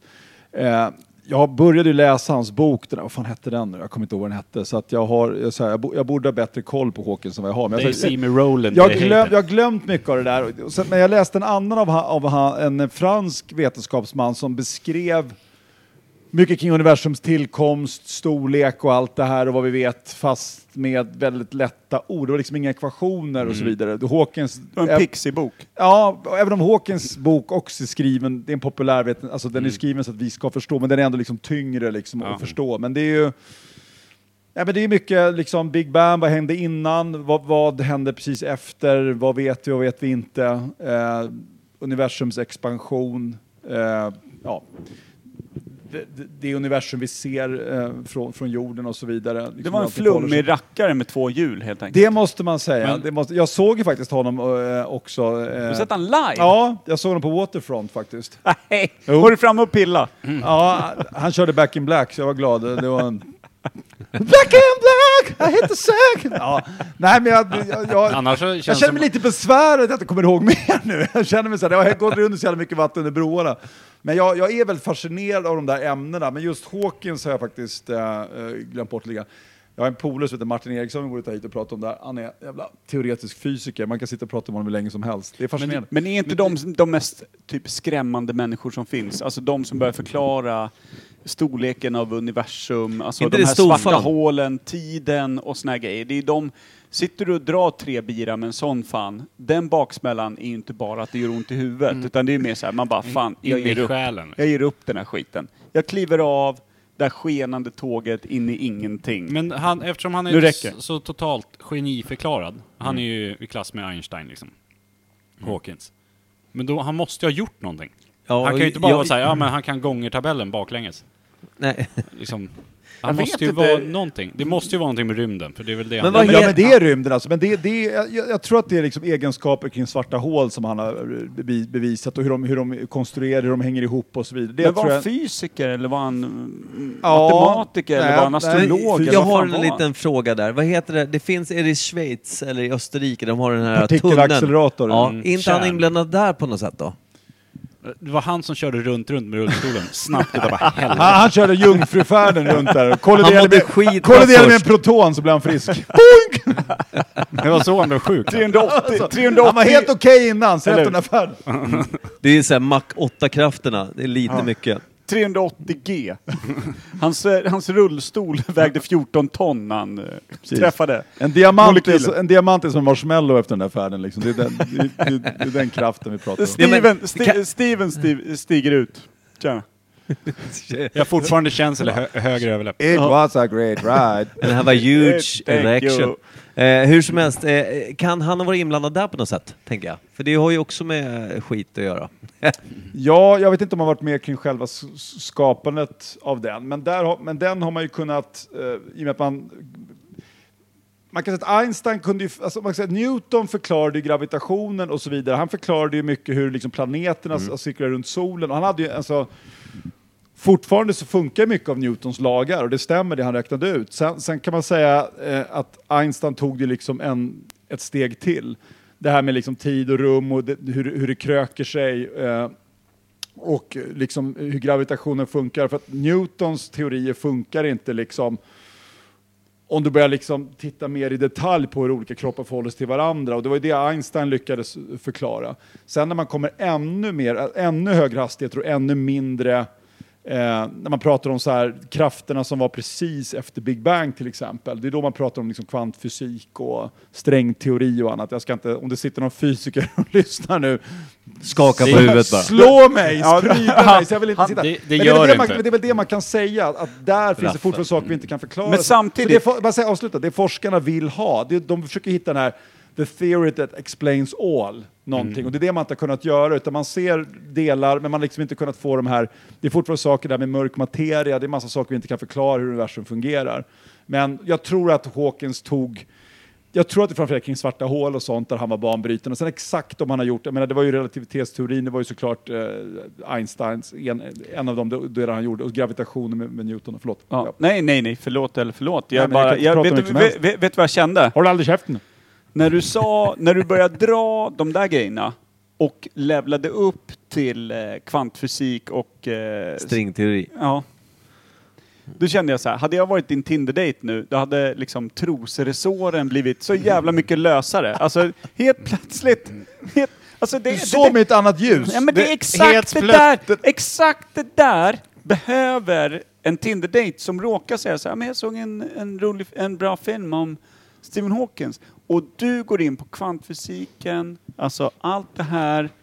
Resårkanten skulle bara Det- liksom luckras upp. Han blev inte lika ful. Nej. Ja, men alltså, man, Det är skönt när han säger stringteori och hon säger ”jaha, string”. Ja, Är, den, är det den du tänker? den du Nej, menar? Nej, men just, den, just den här när man inte fattar vad någon annan säger, man, men man blir imponerad av orden som rullar så lätt över någons tunga. Och då direkt så bara, då bara vattnas det i den lilla, lilla trädgården som kallas fitta. Det där, det där är också Liksom. ett sätt att, att verka lärd i att slänga sig med ord som folk inte förstår. Det kan vara också eh, ett eh, feltänk rent kommunikativt. Man ska försöka använda ord som folk faktiskt förstår. Så Det blir inte en längre relation. Jag pratar Nej, bara om ett jag engångsligg. Ja, här. alltså det, absolut. det blir, hon, hon Nej, jag blir, vet inte om jag fått ligga på strängteori någon gång. Alltså, Nej, jag Har du det- försökt? Alltså, det, ja, ja, kanske någon gång. Det är väl- pro, prova med Gullmarsnisse, en hel Kvinnor brukar men du kan ju inte- Jag kan säga så här, kvinnor jag dejtar, de avskyr den där rösten. Men Ja. har Det du säga så här, provat den du får rösten all- med string, strängteorin? Ja, men och du kan ju köra- Jag, nej, men ibland, säga- har jag rösten och stringtrosor och så Ja. brukar jag möta dem en mörk gränd. Det blir jag ännu är mer. obehagligt. Det kan bli så många lager om du säger... Smaka på den här jävla grejen, då kommer jag hänga ut. Jag Tänk dig, det dig, tänk själv i sträng, du tar fram gitarren och säger här kommer strängteorin med den rösten och så sjunger du någonting som inte går att förstå vad du Det är säger. för många dimensioner. Jag har alla men dimensioner det- i det. det blir Det ju- strängteori med string och det är Ja, strängar. sträng och det- sträng och sträng. Att det blir så jävla... Och sen är du ganska sträng också. är du med? Så att det blir ännu ett lager. Men det blir så förvirrande så hon kommer säga till eh, sina tjejer, då kommer hon ringa Angelica, det är jag. Jag tror att jag dejtar ett geni. Hade han inte varit tunnhårig hade jag legat med honom. Typiskt. Alltså så jävla fint. Men vet du, cylinderhatt, nä- date två. Klassisk cylinderhatt, utdöd Monokel. sedan 120 år. Monokel, Då kommer hon tre, bara, eller? ja. Och, eh, eh, Tre, och tredelad kostym. Och med sen fickor. Nugget, Date 5. Ja. Du vet vad Nugget är va? Amputerad jävel. Ja, amputerad. Ja, är det, Så, är så man det kommer fetisch? amputerad alltså, är det det du säger? Vadå gå in stenhårt för, för femte dejten? Ja men det är väl för fan, det är väl stegvis. Du kan inte börja amputerad och sen gå med, med fyra lemmar, eller fem då. Nej, Beroende men på vad bara för det en dejt så amputerar du en höger Ja ben. men går det dåligt de fyra första är det väl lika bra att kapa en arm. Det spelar ingen roll. Så, du- så, Jag har lagt av med gitarren, varför det? så du kommer dit med torso, huvud och kuk? date fem menar du? Tata, Alltså, älska mig nu. tada! Har ni läst 1793, den här boken? Ja Det- gud, jag läste 1793, 94, 95 och det var den ordningen det var. Ja. Ja, det är bedrövligt. Det är Ja, bedrövligt. men den här torson, den där liksom Mm. första... Det är ju liksom, nugget, ja, på riktigt. Ja, det är det ju. Det är, usch. Jävlar vad han beskriver det bra. Eh, Ah, ja. Niklas d- natt och dag, eller dag och natt. Minns Natt och dag, ja. Natt och dag. Det är, det är Det är mest ju, natt, faktiskt. Det är ju, Niklas Stick och ja, Brinn. är. Ja, lite så. Stick och brinn i jäveln. Smäcke. Så där var det ju på Heta linjen man ringde på min ungdom. Då ringde man Heta Jag linjen. också! Jag också Ja, ringt. Och vara då satt det någon snubbe och han bara Stick och brinn. Stick och brinn. Stick och. Så satt han så här, eller vet, man ringde tillbaka en timme senare han bara Stick och brinn. Stick och Brinn, satt han där? Det var hans grej liksom. Han- Kommer, undrar kommer ni ihåg, eh, ni ihåg eh, Henrik Schyfferts eh, alkoholspel som fanns på telefon? Nej. Nej. Va? Det ringer ingen klocka. Nej, Inte inte, alls. alls. Alltså det här är... Fan! Fanns bara på Lidingö. Nej! Ja, Alltså- han är född där. Fanns inte där. Vi hade inte telefon ute på landet där jag bodde. Nej, vi Alltså- hade slavar som gick med orden. Jag bad min betjänt telegrafera Henrik. Du har stavat svar- fel, gå tillbaka! Jag, Jag... jag svarar alternativ två. Nej men han drog upp då en, ett scenario. Man ringde in ett visst nummer. Det här var alltså om hur man eh, hanterar alkohol för ungdomar. Så ringde du in ett visst nummer, eh, du kom fram och så satt Henrik Schyffert, eh, troligtvis inte live eftersom han sa samma sak varje gång. Eh, du och dina polare ute och så, så bla bla bla. Och så, så, här, så fick man tre alternativ. Så här, ja men ni, ni kommer fram till en container, ni liksom här hittar ni en påse med bira, här hittar ni det här, här hittar ni det här, vad gör ni? Så här, så tyckte man så här, ja, tre, dyrt. Så här, ah, schysst, nu drar vi vidare! Så bara, du, du, du vet, man höll på i liksom 10-15 minuter, satt där vid högtalartelefonen och körde. Det var ett svinbra spel. Man kände att man vann varje gång. Alltså det var så jävla bra spel. Men vad var det för kontext på det här programmet? Alltså, hur kunde man, eller vadå? Du drar ner 15 Ja, men- minuter på att inte kröka. Ja, men- ja, men- Det kost- nej, det nej, kostade nej, nej, 15 Det var kronor. telefon, eh, telefon. Alltså ja, det, ja, det, så där drog man in ett nummer, alltså 070 eller 0- 020, vad ringde man då på den Ja, tiden? Ja, 020 men det. grejen var att Var det, det kostade typ ingenting. För att det, det, 0771. det, det var ju, Ja, det, det var ju 0771. Åh, typ, jag, jag vill minnas att det var utbildande syfte för ungdomar eh, kring liksom, alkohol. Eh, så att ju mer bärs man Ja. pipade i, ju sämre gick det ju hela tiden. Kan det ha varit svenska för invandrare? Lär dig dricka med dina svenska kompisar. Så Exakt, här ja det kan det ha varit. Det kan det ha varit. Så man dog ju om man... Skitdåliga Ah, exempel om man allihopa. bara sneglade på ölen och gick vidare, då dog man ju direkt. Ja. Fylla för invandrare, precis. Ja. Fylla för invandrare. FFI, har du gått där? Ja, har du gått den eller? Varje helg. Ja, du, ett sexpack ja, Sofiero. det är ingen jävla ramadan-skit i det här. För nu, nu ska du dricka och så vill jag se att du jävla drar över en gång. För att han smäckar en jävel. Dra inte med jävla ramadan-skit jag. Det blir ingenting. Vi börjar med Nubbe. Så jävla fint. Nej men det var ett jävla drömspel. Men det låter ju det. så. Den blev jag faktiskt jättesugen på själv. Du kanske kan hitta, finns det kanske på Ja Youtube men jag någonstans? måste fan Får googla, upp googla det på någonstans. Schyfferts alkoholspel. Ja. Jag tänkte nästa gång Erik kommer med, för du kommer vara tvungen att vara med en gång till sådär. Eh, vi har ju säsong 6 kommer här nu runt hörnet. Ni binder mig och lägger mig i ett rum här. Ja, och så men får vi- jag hänga kvar. Ja, Ja, Tre veckor väcker vi dig. Spring ifrån Eh, det här du, säger Vi vi gjorde bara. en sak nämligen för typ kanske två säsonger sedan där vi spelade rollspel med vår kära, eh, ma- vad, vad heter det, vår kära... Eh, Dungeon Master. Dungeon Master Jerry Jerkman. Han är superduktig eh, Dungeon Master. Vi körde rollspel och vi brände ner ett stall, tog hästar och betedde oss som svin faktiskt. Du kan få vara med och spela rollspel Jag vill kanske? minnas att vi våldtog en stallpojke som var- hade led av Han hade Asperger. da- down syndrom. va? Down syndrom. Ja, det var mörkt. Fan Eh, vad obehagligt. Ja, men Så- alltså det tärningarna säger. Ja. jag att, Alltså, Jag, var, spelade, jag spelade jättemycket rollspel när jag var yngre. Det var ju liksom, det var ju Dungeons mutant. and Dragons. Ja, Dungeons and Dragons, MUTANT, Chock, Drakar och Demoner. Eh, allt det här liksom. Du sa ju, vi har ju en, en, en, en ny, ny spelare i vårt Dungeons and Dragons eh, alltså spel. Fan, de här första Demoner, jag, var- jag var typ vette, en T8 i styrka. Jag var så besviken bara. Vad T8? Slog jag tre? Får jag slå om bara? Det får du inte liksom. Svag jävla vette var man bara. Stod knacken med En en pinne på någon. funktionsvarierad Ja. vette som gled runt och mådde skitdåligt. Så hade man så litet svärd, jag hade något så här, bredsvärd, så här litet jävla svärd som man höll på. Men, all, men alltid, alltid med ett ballt namn. Så när Ja. man skrev ner det första gången, man bara fan, här kommer mäktigt det här jävla svärdet. Första Sen kollar man upp nej. vad det var. Så här, man kunde ju inte döda myra med den skiten. Men jag hade ju så här, vet jag hade en karaktär, alltså här, nu, nu, blir det, nu blir det känsligt för mig här. Jag, jag, jag kommer inte ihåg vilket spel men jag kommer ihåg att jag hade en sån här guldkille, man har slagit liksom, du vet, man har slagit grymmare. Och så var det någon jävla pool som bara dödade mig. Han bara, jag ska, jag dödar Erik när- i sömnen. Va? Va? Så han bara dödade min karaktär. och jag, nej men du vet, han mördade mig. Nej, det är så jävla Det var det svårt. så sjukt! Och Det är jag, så jävla bara, svårsmält. och jag bara grinade och grät och skrek och han bara skulle göra det. Jag vet inte om vi hade någon beef eller vad, men nu när jag, jag kan knappt prata om det. Det var så här, Ja, jävla, så jävla vi, waste. vi har en sån polare i vårt gäng som alltid ska sabba för alla andra. Men det är det jag menar, Och vad är han det för sitter människor? där. Och han heter Per. Per. Han ska Men- alltid, i fighterna, när jag backar undan och står i ett hörn och kollar på, och sen går du och plockar upp liksom, småskrapen när alla dött. Liksom. Jo, men jag dödar ju ingen. Nej, du ska bara kolla vad som händer. Det var någon sån här, eh, någon sån här Vad är det jag hör? kameleont-variant. Så jag, så jag förvandlade mig alltid till staty när det var, när det var läge för fight. Bara stod och bara myste. Kunde göra skillnad, sket i. Hjälp till! Hjälp Ni får slå draken själva. Den där draken ser svår ut, jag är staty. Men det var ju så jävla spännande. Alltså, jag ska säga chock var det ibland. Alltså, de kvällarna jag hade, det var också en sån här kille, vi var ju små liksom, men alltså, de spelade, vi kanske var 13-14, alltså, han var ju så jävla bra och byggde upp de där äventyren alltså. Man satt som i fucking trans alltså. Ja, vi har ju en Jerry, han är ju sjukt duktig på att bygga upp historier och grejer. Och vi var ju något spel här som, han gjorde ett eget, det är ju typ Dungeons and Dragons fast i västern-tema. Just det. Som att det hade gått, tiden har gått i Dungeons and Dragons, alltså med drakar och demoner och sånt, men det hade blivit vilda västern. Ja. Och så körde vi det. Det var ju då vi, vi var inne på en bordell. Ja. Och så fick ju Koffe idén Som att... hette ja, Hotellet. Hotellet ja.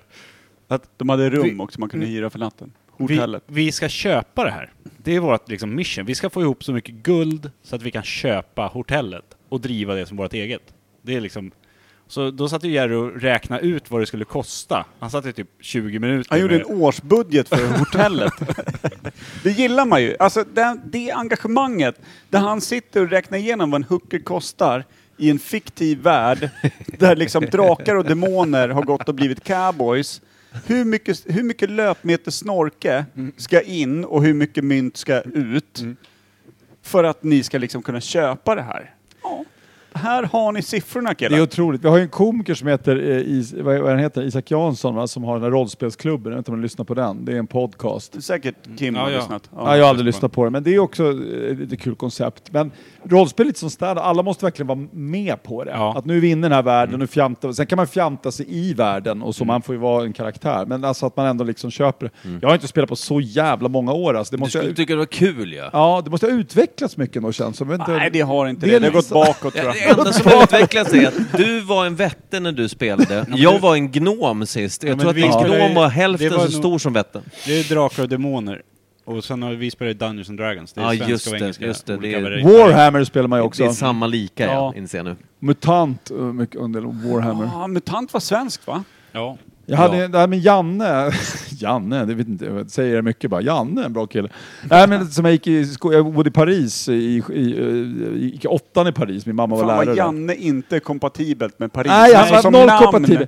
Men han var, men han, Janne var en deffad, han var ju så här, alltså, han, var- hade bara en sån här kropphuggen granit. Så Hette han Sean? Nej, Janne. Och han, han var svensk då liksom. Och han, idag så är han lite mer överviktig. Men jag tror fortfarande han spelar mycket rollspel och sådär. eh, Så att, ja. Annars nej. blir man fitt av det. Ja, verkligen. Ja, nej, han, han behöll inte sin figur riktigt. Men, Nej. men, men det är intressant. Det var otroligt starka minnen kring rollspelandet. Och eh, ja, det vore lite intressant att upple- uppleva det igen. Ja, det är fan inte Vi tar dumt. in Kom- kom- er när vi kör ett varv till tror Det jag. var väl att det var ingen utav oss som hade spelat det riktigt. Ja, vi, var, vi, vi, ja, vi hade varit dåliga på att ha det med i vår ungdom. Vi hade inte en bra person Nej. som kunde vara Nej. liksom en sån spelledare riktigt. Spelledaren är viktig. Ja, det, det är ju ja. det främsta. Det är det som är så sjukt att vi satte igång då när vi alla är 35 plus allihopa och vi ska köra igång eh, Dungeons and Dragons liksom. Och det blir jävligt roligt. Att vet, man har med sig några bärs, man har med sig lite tilltugg och sen har vi en spelledare som är så jävla 110% spelledare. Och man vet också att folk inte har utvecklats mer än vad de säger. Nej, nej. Alltså när, när de blir sura, när man snor dem på två guldmynt medan de sover och blir på riktigt lacka, out of Som att det character. händer på riktigt. Alltså out of character, sura och vill gå hem.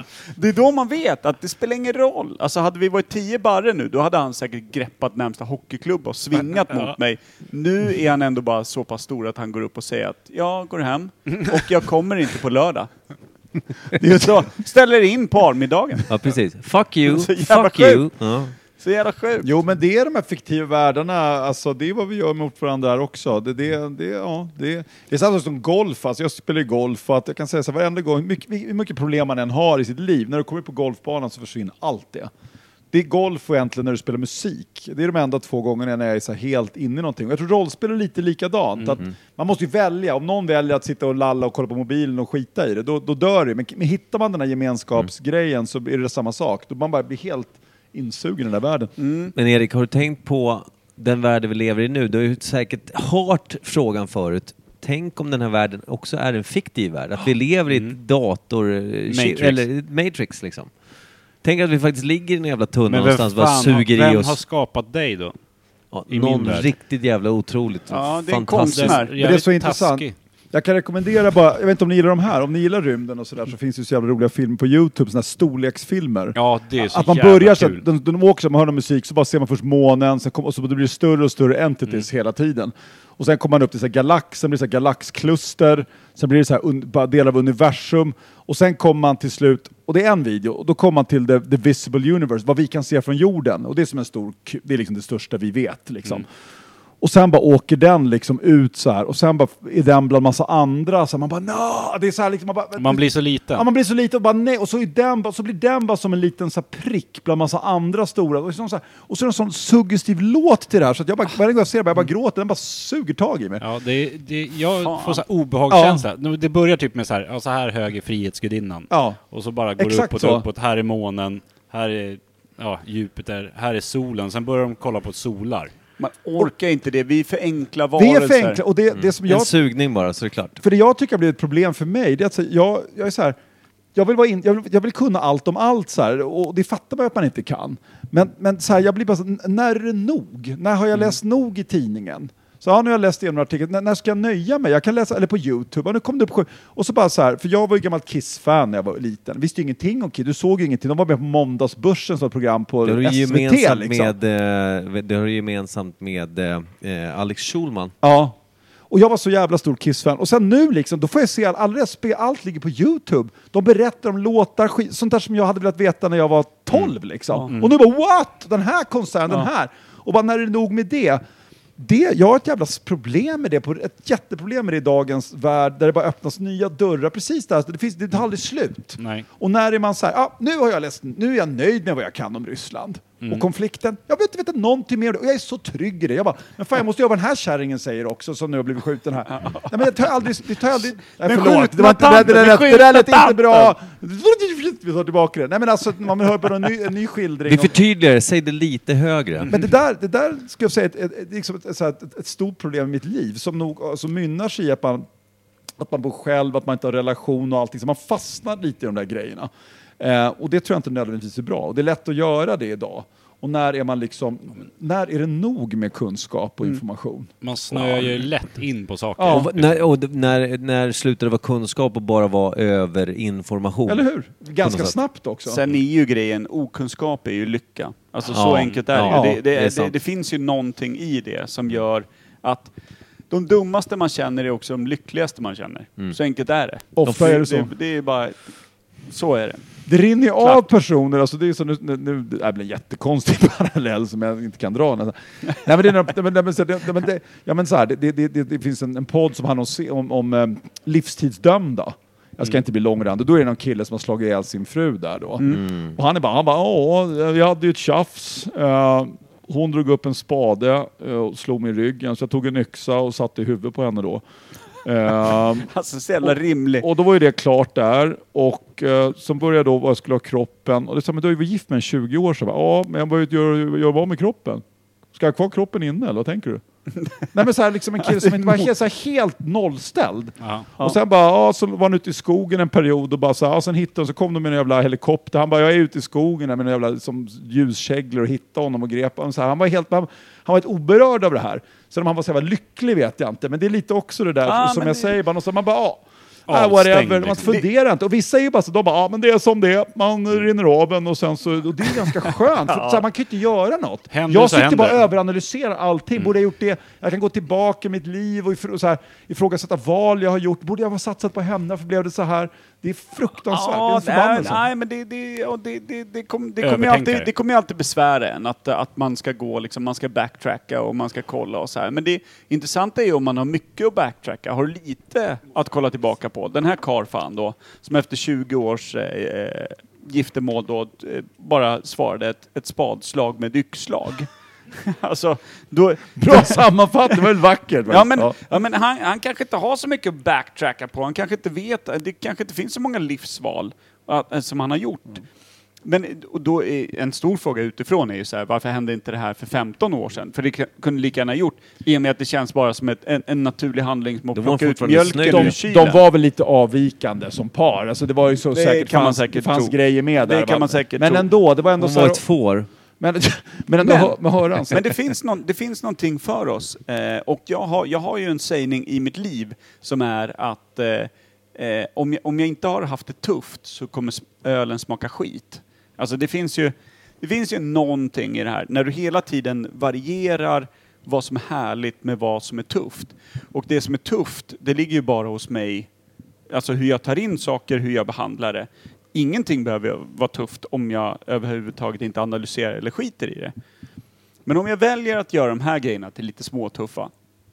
Det är hårt, det är, lite tungt att ta in och såna här saker. Det väger ju upp de här andra grejerna lite extra som, som jag lägger mig till med då för att, för att väga upp dem. Och hade jag inte haft det här tuffa hade jag troligtvis inte ansträngt mig för att dra den här jävla veckan till Italien med min polare, dundra runt på alla jävla vingårdar eller på något jävla hak eller åka upp till fjällen med 20 polare eller, eller ta med tjejen på det här. Eller du vet, beställa hem en, en stor jävla blandkasse på Systembolaget och se det som någon jävla njutning.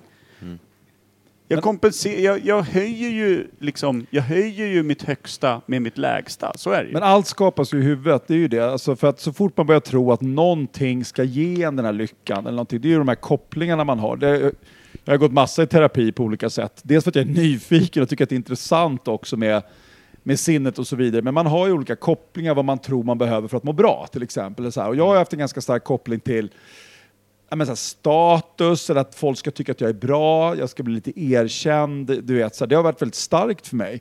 Så att hela tiden har det varit en här spår, att jag, gör, jag har gjort mycket saker i mitt liv för andra. Och inte att jag, jag har inte varit någon här snöfling att jag inte vågar säga ifrån, men det är ändå så här, ja men då kommer den här tycka, det, det är bra att jag lägger ut det, för då kommer de tycka att, istället så här, vill jag det här? Till min musik har jag nu kommit till en punkt, jag skit det är inte världens bästa, men jag tycker att det är, jag, jag är okej med det. Det var jag inte på 90-talet, och då skämdes jag att det var aldrig så bra som jag ville, så jag la aldrig ut något och man, för man hatade en demo, så bara nästa demo. Och, och, det är, och det tycker jag man har lärt sig med åldern, det är att alla grejer man trodde skulle ge en lycka var falskt. Jag trodde så här, ja, när jag åkte till Afghanistan, jag klarar Afghanistan, jag kommer hem, jag gör en minnesbok. Jag bara, om jag hade vetat så här innan bara att jag klarade det, då skulle jag jag skulle aldrig kunna liksom, ha ett problem med mitt liv igen. För att jag klarar en så häftig grej. Det gick ju två veckor efter Afghanistan så var man nere i en jävla djup igen. För det handlar inte om det. Och det är bara problemet och sen har du vissa människor som kanske lever i linje med sina kopplingar, det vill säga att de är ganska framgångsrika. Så att de, de har den här kopplingen, men de, blir- de blir aldrig nöjda med framgång. Det, det är aldrig någon framgång. Det finns en kille som har två miljarder och de har en miljard. Alltså det är alltid sådär. Så Ja, har precis. du den och du tror att det är hela tiden det som ska vara, och folk som kanske lever på sin skönhet, och det där är ju förbannelse för oss alla liksom. Men att hitta den där, att vara helt frikopplad, och det här nuet, för det är ju de här grejerna som är någon, någon form av nyckel, att, att nöja sig med det lilla, och det är ju en välsignelse för alla att kunna hitta det. Men att verkligen göra det och känna det, det tycker jag är jättetufft. Alltså Leonard Cohen efter munkbesöket, kan man säga så? Där vill man vara. Han Hur ju- var han då? då? Nej men han kom ju tillbaka och var tvärnöjd ju. Tyckte allting var superhärligt. Leonard Cohen är fan assämst. Nej, men jag, sa, jag sa inte att han var bra, men han kom ju tillbaka Nej, och ja, bara, ja, ja, han, kom, jag han, han bodde väl flera år uppe i, vad fan, ifall det var i Nepal eller vad fan, Tibet, vad fan han var någonstans. Fan, Eller- eller alltså, Bodde det, med munkar och så det var tyst liksom. Eller men det- när Snoop Dogg blev rastafari. Ja, men det- alltså, som, en sån här grej, om, om du dundrar upp i något jävla nepalskt berg och sitter där som, eh, eh, vad heter en sjuårig i Tibet med, med Brad Pitt eller något liknande. Eh, men du dundrar upp tre år, eh, känner på buddhismen, eh, förstår att allt liv är, är värt att levas och bla bla bla. Kör hela den prylen, sitt upp på en bergstopp, har liksom dubbla urinvägsinfektioner av att du har suttit på två minusgrader mot snorken. Allt möjligt. Kommer tillbaka hem. Alltså du kan ju inte säga att det var ett kack. Du har ju tre år investerat. Du måste ju säga det här var det bästa skit jag gjort. För du har ju suttit och lidit skiten ur dig. Och hur Det- lång tid tar det när man kommer tillbaka tills man är tillbaka i den här samma karusellen? Men jag har sett den här, Nakik, vad heter det, Nantiko Lindblad heter väl han som, jag vet inte om ni har hört talas om honom, han, är, han var ju just, gjorde det, han var ju 17 år i Thailand som munk, svensk. Och sen kom han hem. Han har varit rätt mycket sådär. Han, han dog i ALS faktiskt. Så får vi en liten, knyter vi ihop säcken. Ja, där fick du den där Ja, sista. där fick jag callbacken.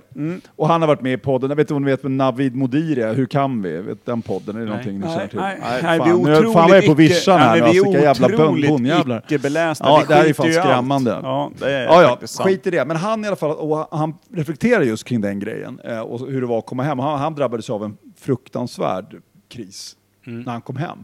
Men sen förstod han vad han hade lärt sig och sen förstod han att det fanns något att förmedla. Och han har ju aldrig haft någon, som du säger, han har ju aldrig kommit och liksom satt sig över någon annan och sagt att han har hittat någon jävla sanning. Men han återkommer ju till de här delarna, det är lite Eckart Tolle och alla de här också, de här så fort man säger ordet lev i nuet så blir ju alla sådär. Liksom. Men just det här att kunna liksom, att ditt mående sitter ju hos dig. Och det är du som kan välja hur du ser på saker och ting. Eller välja, men det är det man kan träna upp. För att det är inte så här, om man tar så här, ja, men jag behöver en katt för, för, för, jag mår så bra av katten. Men det är inte katten som får dig att må bra. Det är liksom någonting i ditt huvud. För att om du, om du, om du ser en katt och hatar katter, då kommer ju katten få dig att må dåligt. Så det är ju inte katten egentligen, den sätter igång någonting hos oss. Någonting. Och det gäller ju med så otroligt många saker. Jag vet, Kattfeber. Ja, och jag vet ju precis vad mina grejer är och vad jag går igång på. Och jag blir ju som mest hatisk mot andra som är framgångsrika när jag känner att det går dåligt för mig. Till exempel. När man har en kanondag, då undrar man ju alla allting. Liksom. Ja, Good ja, for kör på, him! för Great! fan, I love him! So funny! He's so funny! Funniest guy I ever saw! Nice going Nice Trump. going Trump! you go! No problem, Donald. It's gonna go a great time. Du vet så här. Och sen när man själv liksom bara, du vet, mår för jävligt, då bara fy fan vad den där jäveln får gratis chanser och liksom, vad fan får jag aldrig någonting? Och jag har ju bara suttit i det något så grönjävligt. Det har varit min liksom stora...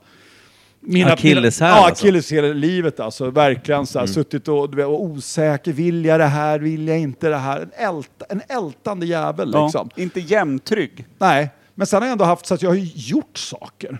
Så att jag gör ju grejer. Det är inte så att jag sitter hemma och så gör jag ingenting. Så att jag gör ju saker, men det är en alldeles för stor andel dåligt mående i relation till det jag gör mot vad det behöver vara.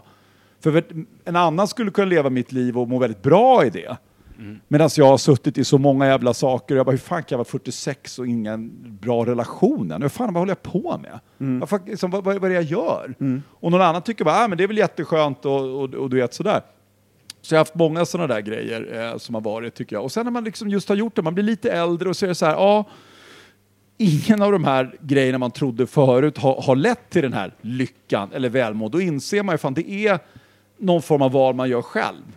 Och, och, och det går inte att komma ifrån det, utan man måste jobba med dem. Och då är det ju meditation och alla de här sakerna som gäller. Och för, om man nu vill det, om man nu har ett intellekt, då är man som så här, många andra bara skiter i. Då gör man ju det. det. Det får man ju... Bara man själv vet ju hur man mår. Men är inte det största avundsjukan på dem som, som alltid verkar ha det bra? Är det inte det? Jag har ju många gånger, vi har surrat om det i podden förut. Vilka jag har ju- hatar ni mest? Om man säger så här, för det finns ju några som är så här, jag kan, jag kan nämna några namn. Vilka, så här, vilka är så här personer som man bara, de verkar, de verkar lugnt och skönt.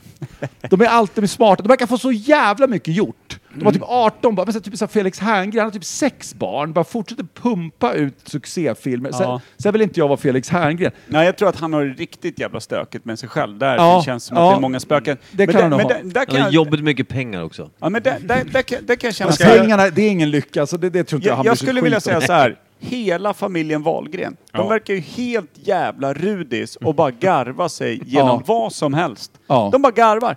De bara garvar. Och det går så bra. Och det går ju tydligen bra också. Och, och du vet, du bara, den ena det är succén efter den fruktansvärt. andra. Det spelar ingen roll vad det är för ett jävla mongo. Kolla Niklas Wahlgren i, för att göra en callback till eh, eh, filmen ALS. G. Till grönsak. Ja men till grönsak och filmen G. G som är grönsak. Ja. Alltså vilket, vilket jävla riksmongo! Han, det, och, och du vet, och är med i eh, Let's Dance och allt sånt där och bara juckar runt och någonstans och verkar helt, alltså Det verkar vara två hjärnceller som slåss med varann. Men grejen med den här familjen tycker jag då, de gör ju saker. Det är det som är grejen. Så Man Ja, kan de gör hur mycket kolla, som helst, Pernilla, men- Wahl, Pernilla Wahlgren liksom, hon, bara, vet, hon hade ju så här, ja, fucked up med Emilio där liksom, roddade den här familjen och innan det började liksom gå bra, man kommer inte ihåg det liksom, men, men hon hade ju en period när det var jävligt trögt. Hon var ju när jag eh, jobbade i Dalarna, mellan 2003 och 2008 så jobbade jag på TV i Dalarna, då var ju hon där uppe på Harrys med så playback och körde Piccadilly Circus liksom. Det var så här great, innan vi körde igång kvällen. Pernilla Wahlgren körde 20 minuter set Ja, liksom. Det var ja. vad hon gjorde för att få in pengar till hyran. Så hon Ja. har liksom slitit som fan. Så de gör ju grejer, men, men ändå utifrån en sån här Och Emilio var ju som du säger, Ja. Det, var, det var ingen drömsaga det Nej, inte. men ändå utifrån en sån här naturlig framgångsaura. Så, att, nej, men jag, så här jobbar vi och folk är så intresserade av den här. Och det, Men det är så vi jobbar med att vi investerar i någonting. Det är som Kurt Cobain bara okej, Kurt, you fucking genius. I give you I, I, I give you fucking uh, money, I give you everything, but you better fucking kill yourself for me. Nej men lite så, då ska du leva ditt jävla rockstjärneliv också. Då ska du fan i mig liksom, för att det är ju någonstans det man gör. Du kör det där, vi ger dig framgång, vi är upphöjda, men då ska du också leva ett liv som anstår en stjärna. Lite så är det ju, de är ju liksom våra drömmar, det är inte vi vill göra, det är inte vi orkar. Och den här familjen, ja, folk tycker att det är lite skönt, hur, har de för snack med varandra, hur pratar jag med mina barn? Ja, men, ja, men Pernilla, ja, nu funderar hon lite på sina filler, så här, jag kanske också ska göra det. De blir någon sorts vandrande varumärken ju för hur många medelklassfamiljer vill leva idag. Och det är jävligt sjukt kan man tycka på många sätt och vis. Men, men, men eh, jag, har ju, jag håller med dem. Eh, och jag försöker tänka så här, vad är det jag hatar. Så här. Ja, några känns som de Men så Niklas har också gjort ganska mycket saker. Och Linus Wahlgren, han är ändå skådis. Jag säger inte att jag hatar dem. Jag bara säger Nej, att... jag förstår, men det, det, jag det säger bara att- konceptet jag säger- jag att säger de är överallt. Och så vidare. Det, det, är bara, det bara, bara verkar vara en, en, en, ett framgångsrecept att heta Wahlgren. För jag avskyr ju Bianca Ingrosso på ett sätt för att hon är ung, låt så vara, men hon är också en idiot. Jag har haft eh, döttrar i exakt samma ålder. De är inte idioter. Men den här fan går det tydligen superbra för, bara genom att vara en idiot. Och hennes bror, Benjamin, har jag avskytt typ sedan han föddes. Innan jag visste att han fanns så har det funnits en nagel, alltså en törn, ett, ett törne i mig Rätt som har i ollonet. skavt, ja, rakt in i kuken. Där jag varit förbannad. Sen dök han upp och stod och är så jävla mediatränad från 12 års ålder och ska säga rätt saker och typ drar en runk till Måns Zelmerlöws affisch varje kväll för att han ska känna in hur det är att vara folkkär och bara står och är så tillrättalagd Ja, ja. i alldeles för ung ålder. Jag blir galen. Där, där kan jag känna hat. Men det är bara Men det är Benjamin. Men, men resten av Wahlgren Men det där bara kan jag känna med hela kändis-Sverige är ju, är ju så till stor del. Alltså det är det här liksom, man- är, man är crazy inom ganska tydliga skjutgränser liksom, vad, vad som accepteras att vara. Och alla är så jävla härliga liksom och sitter och jag klarar inte det. I fucking hate that. Och det tror jag är en anledning att jag själv aldrig kommer bli känd. För att jag, så här, jag bara, svingar med men sitta med, vara med liksom här fucking jävla bäst i test med David Sundin som ska vara en jävla humorgeni. I fucking hate that shit. Men vad, du skulle droppa fler piss- namn nu. Du skulle droppa lite namn. Ja, det jag skulle säga. Nej, men alltså, jag gillar dem lite, men, men här som Mikael Dahlén, vet du vem det är? En ekono- Ja, ekon- ja, ja. professor. Han är också så här, han är så här långt hår, han är så här skön och bara har sina naglar och bara sitter i sitt skrivbord från helvetet. Vet du. Han, han bara inne där, det är bara så här det är som en uteliggare där inne, alltså det, bara häng, det är bara grejer överallt. Han sitter och, så här, och ändå bara han så här avhandlingar och han bara gör små sköna podcasts hela tiden och han är med överallt. Jag gillar faktiskt honom, så det är så här, men också, han får så jävla mycket gjort hela tiden. Jag bara fattar, fan får han ihop sitt liv? Vad bestämmer att han ska göra, inte göra? Han, verkar, och han pratar mycket om det här med lycka och allting, håller på och föreläser om det där. Och det är en kille jag också bara så här, jag vill bara att fan han åker dit för en jävla dråp snart liksom. Så kan han inte bara, nej men alltså, det, det, det, nej, men så som verkar så balanserad liksom och, och bara så levererar på något sätt. Och det är för att man själv känner så att man bara, ah, man är aldrig riktigt trygg i det man gör, och så kör man på och sen får man ingen som ser det. Även för att jag har fått supermycket cred för massa grejer så här. Och jag, för mig är det så att jag tror att jag vill att det ska hända för snabbt. Jag har inget tålamod och man ska få, och vad är det man vill ha? Jag bryr mig inte om om folk tycker att det är bra heller. Det är aldrig, aldrig bra. Och någon bara liksom, fan vad du är grym och så, ja det var inte så bra jag tyckte jag inte ändå. Så, här. så att vad är det man vill ha då?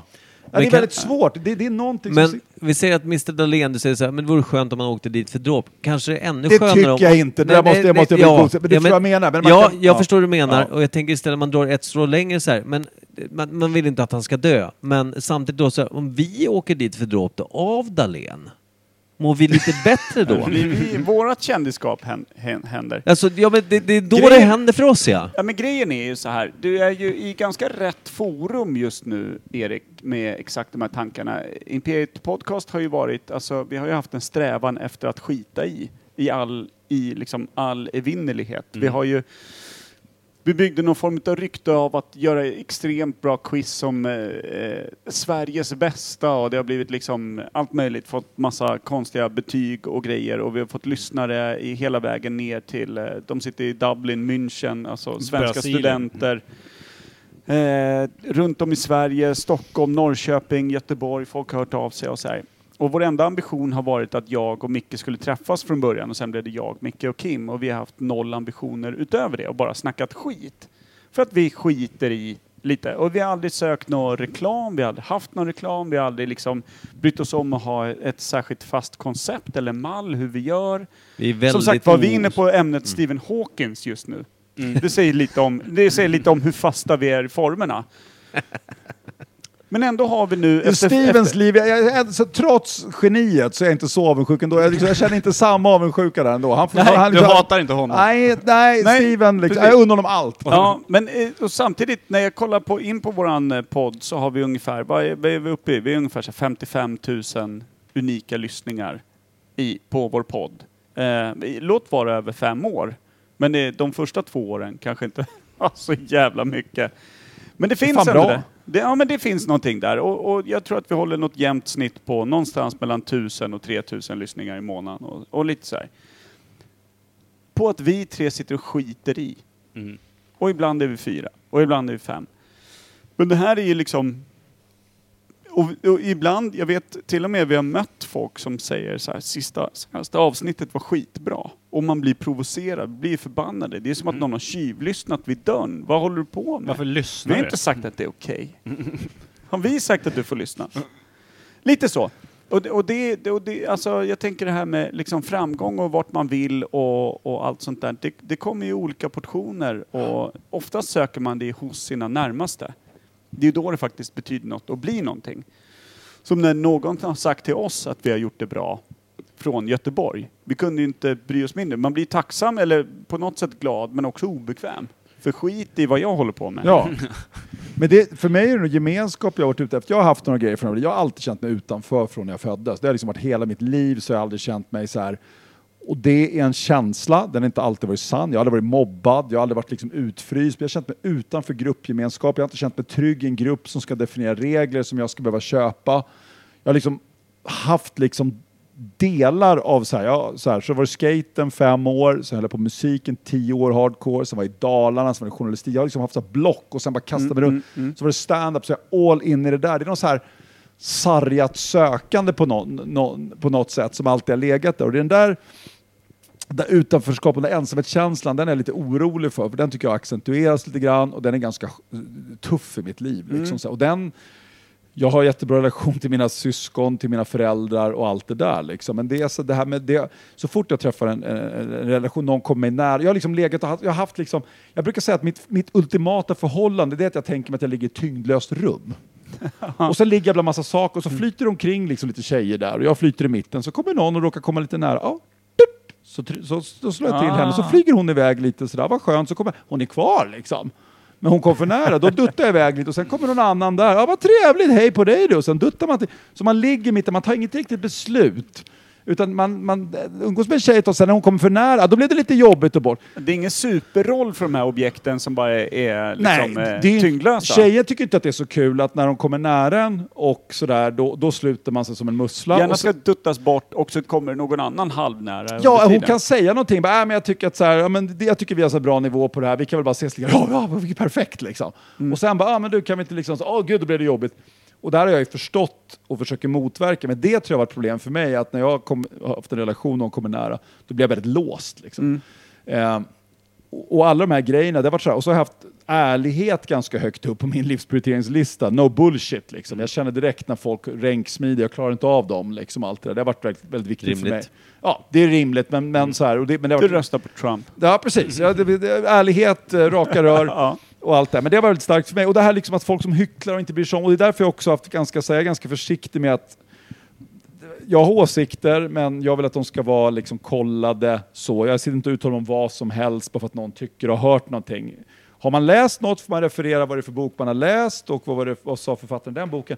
Jag lägger inte de kraven på andra, men för min egen del så är det lite så jag jobbar. Liksom, så här, och försöker vara liksom försiktig med att vara supertydlig kring, kring vissa frågor. Eh, andra kan jag tycka jättemycket om. Kvantfysik och Ja, strängteori. ja, strängteori eller öl eller vad fan som helst. Liksom. Men liksom när man ska sitta och förklara exakt vad man gillar och inte gillar med Sverigedemokraterna så kan det vara saker som jag kan förstå att man uppskattar där. Eh, vissa saker som kanske till och med var bra med Sverigedemokraterna, även om jag aldrig skulle rösta på dem och det är ett parti jag inte litar på. Jag litar inte på de partiföreträdarna, jag kommer aldrig göra det.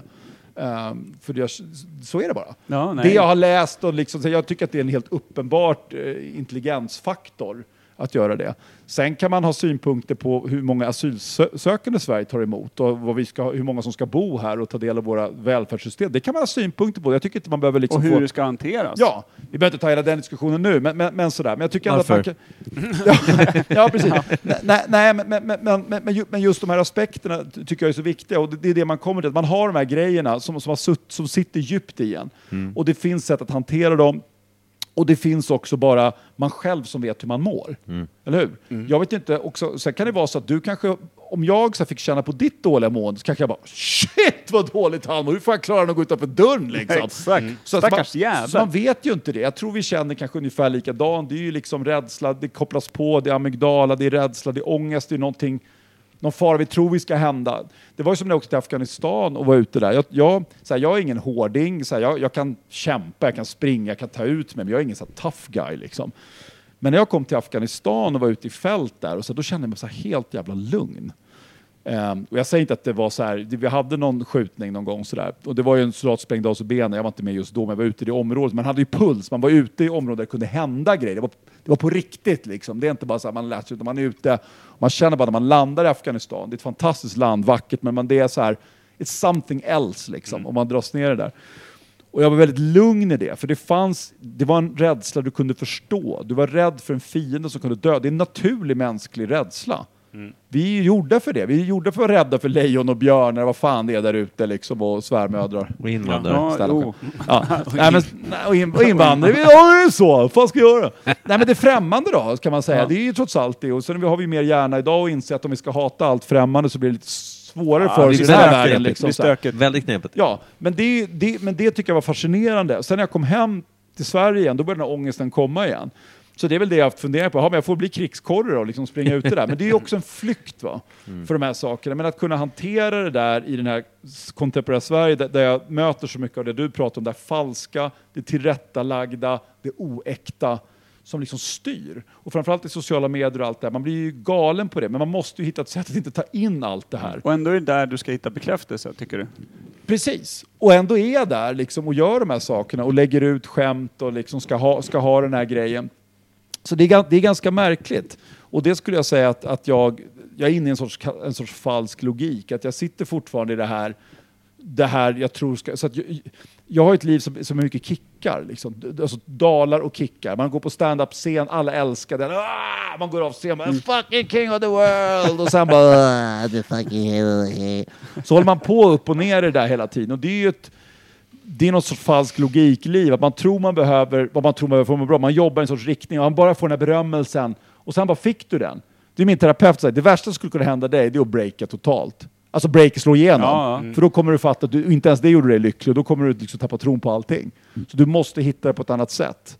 Och ja, det tror jag verkligen är Jag känner så jävla flera böcker, flera böcker i det du säger. Ja, men det är ju det. Och jag har läst mycket av dem också. Och ibland lyckas jag göra strategier. Men det enda jag bryr mig om, det är inte att sitta och föreläsa för er hur man ska göra. För det är många som gör det. Utan det är hur mår du själv? Och när jag lyckas använda de här teknikerna och hitta ett bättre mående själv så blir jag jävligt glad.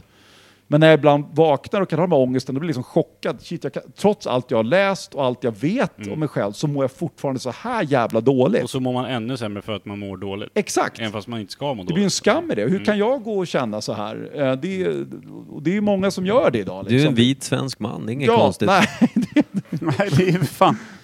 Det är ett krav. Ja. nu identifierar jag mig inte riktigt så, men... Ska vi runda av kanske? Det Ja, vi gör väl det. Är vi inne på, ja, vi är inne på två timmar. Det är bra det. Det är, det är Som vi- årsavsnitt. Ja. Så ska det Ja, det vara. var väldigt trevligt att få här. får jag säga. Superfint! Det var kul att ha det jävligt här. fint att Första, höra, men inte höra dina sista. tankar också. Ja, ja, tack. Det är sällan vi egentligen pratar en tanke fullt ut. Det är bra när du ber om att inte bli avbruten, för det är våran podds största nemesis skulle jag säga. Mickes största nemesis. Jag, jag Men, men det är också att lite podd. översittande att göra det. det. För jag menar, ibland har man ett, jag skulle bara, alltså man ska komma till en sorts clue just där. Och sen, man kan ju inte sitta och bara eh, bli en jävla mansplainer, utan då måste man bli avbruten, självklart. Men det är just när man verkligen var på väg någonstans ganska snart. Det är då Ja. man kan säga det. Och det är då jag Det brukar avbryta. det är ingen någonsin fått göra i den här podden Nej, men jag tycker att det var en Så underbar, en underbar tempo i podden där man faktiskt fick bli lite allvarlig och sen så eh, uppskattades det mesta av en. Det tycker jag är väldigt fint. För det är Ja, inte alltid att det är så i härligt. podcast. Jag en jävla eloge till er grabbar för det. Tack så mycket. Tack. Tack så mycket. Jag är Och, glad för Ja, att jag var med också. gång. Mm. ja, Gullmars. Fy fan, Ja. älskar honom. Ja, Nej men superfint. Vi avrundar väl och så tackar vi för fem år än så länge. Nästa avsnitt kommer spelas in uppe i Vemdalen bland eh, 23 andra eh, djurliknande män i någon form av stuga där, med något västerntema som jag inte tror kommer landa väl i liksom Roslagsgossar med dåligt självförtroende, alldeles för mycket dåligt sp- spritsinne, hatar sina fruar. Alltså det finns så mycket där som kommer gå riktigt Jag ser dåligt. möjligheter. Vi ska försöka fånga det på ljud. Ja. Nej, jag kommer lyssna, det kan jag Ja, säga. det, ja, det kommer bli dåligt. Ja, men det tar vi. Det tar ja, vi. Och absolut. eh, framförallt eh, tack så jättemycket Erik Berglund. Ja, och Erik Berglund ska ni som inte har koll hålla lite koll Ja. på just på sociala medier. Det finns så jävla mycket bra där. Mycket Kolla runkeeper. Instagram, kolla YouTube, kolla Ja. fan överallt. TikTok, Erik Berglund 1 och Erik Berglund 5, vet fan vad heter allt. Men sök på Erik Berglund. Onlyfans. eh, ja, Onlyfans eh, har min stjärt ett specialkonto. Där är sträng och Ja, strängteorin. det är string och sträng och strang. Löparstjärten. Ja, löparstjärten. Kan man intyga att den ser bra ut. Så här, vi välkomnar Erik tillbaka nästa gång det är dags. Vad, vad det, om det, vare sig det blir rollspel eller om vi provar att hänga upp och ner i ett tak och intervjua varandra, eller vad fan det blir. Någonting gör vi. Ja, Jag är fladdermus, nyfiken. eh, Fladdermuspodden. Ja. Klassiker. Bra, tack och hej. Tack så mycket. ja, tack. Underbart. Tjing! Hej.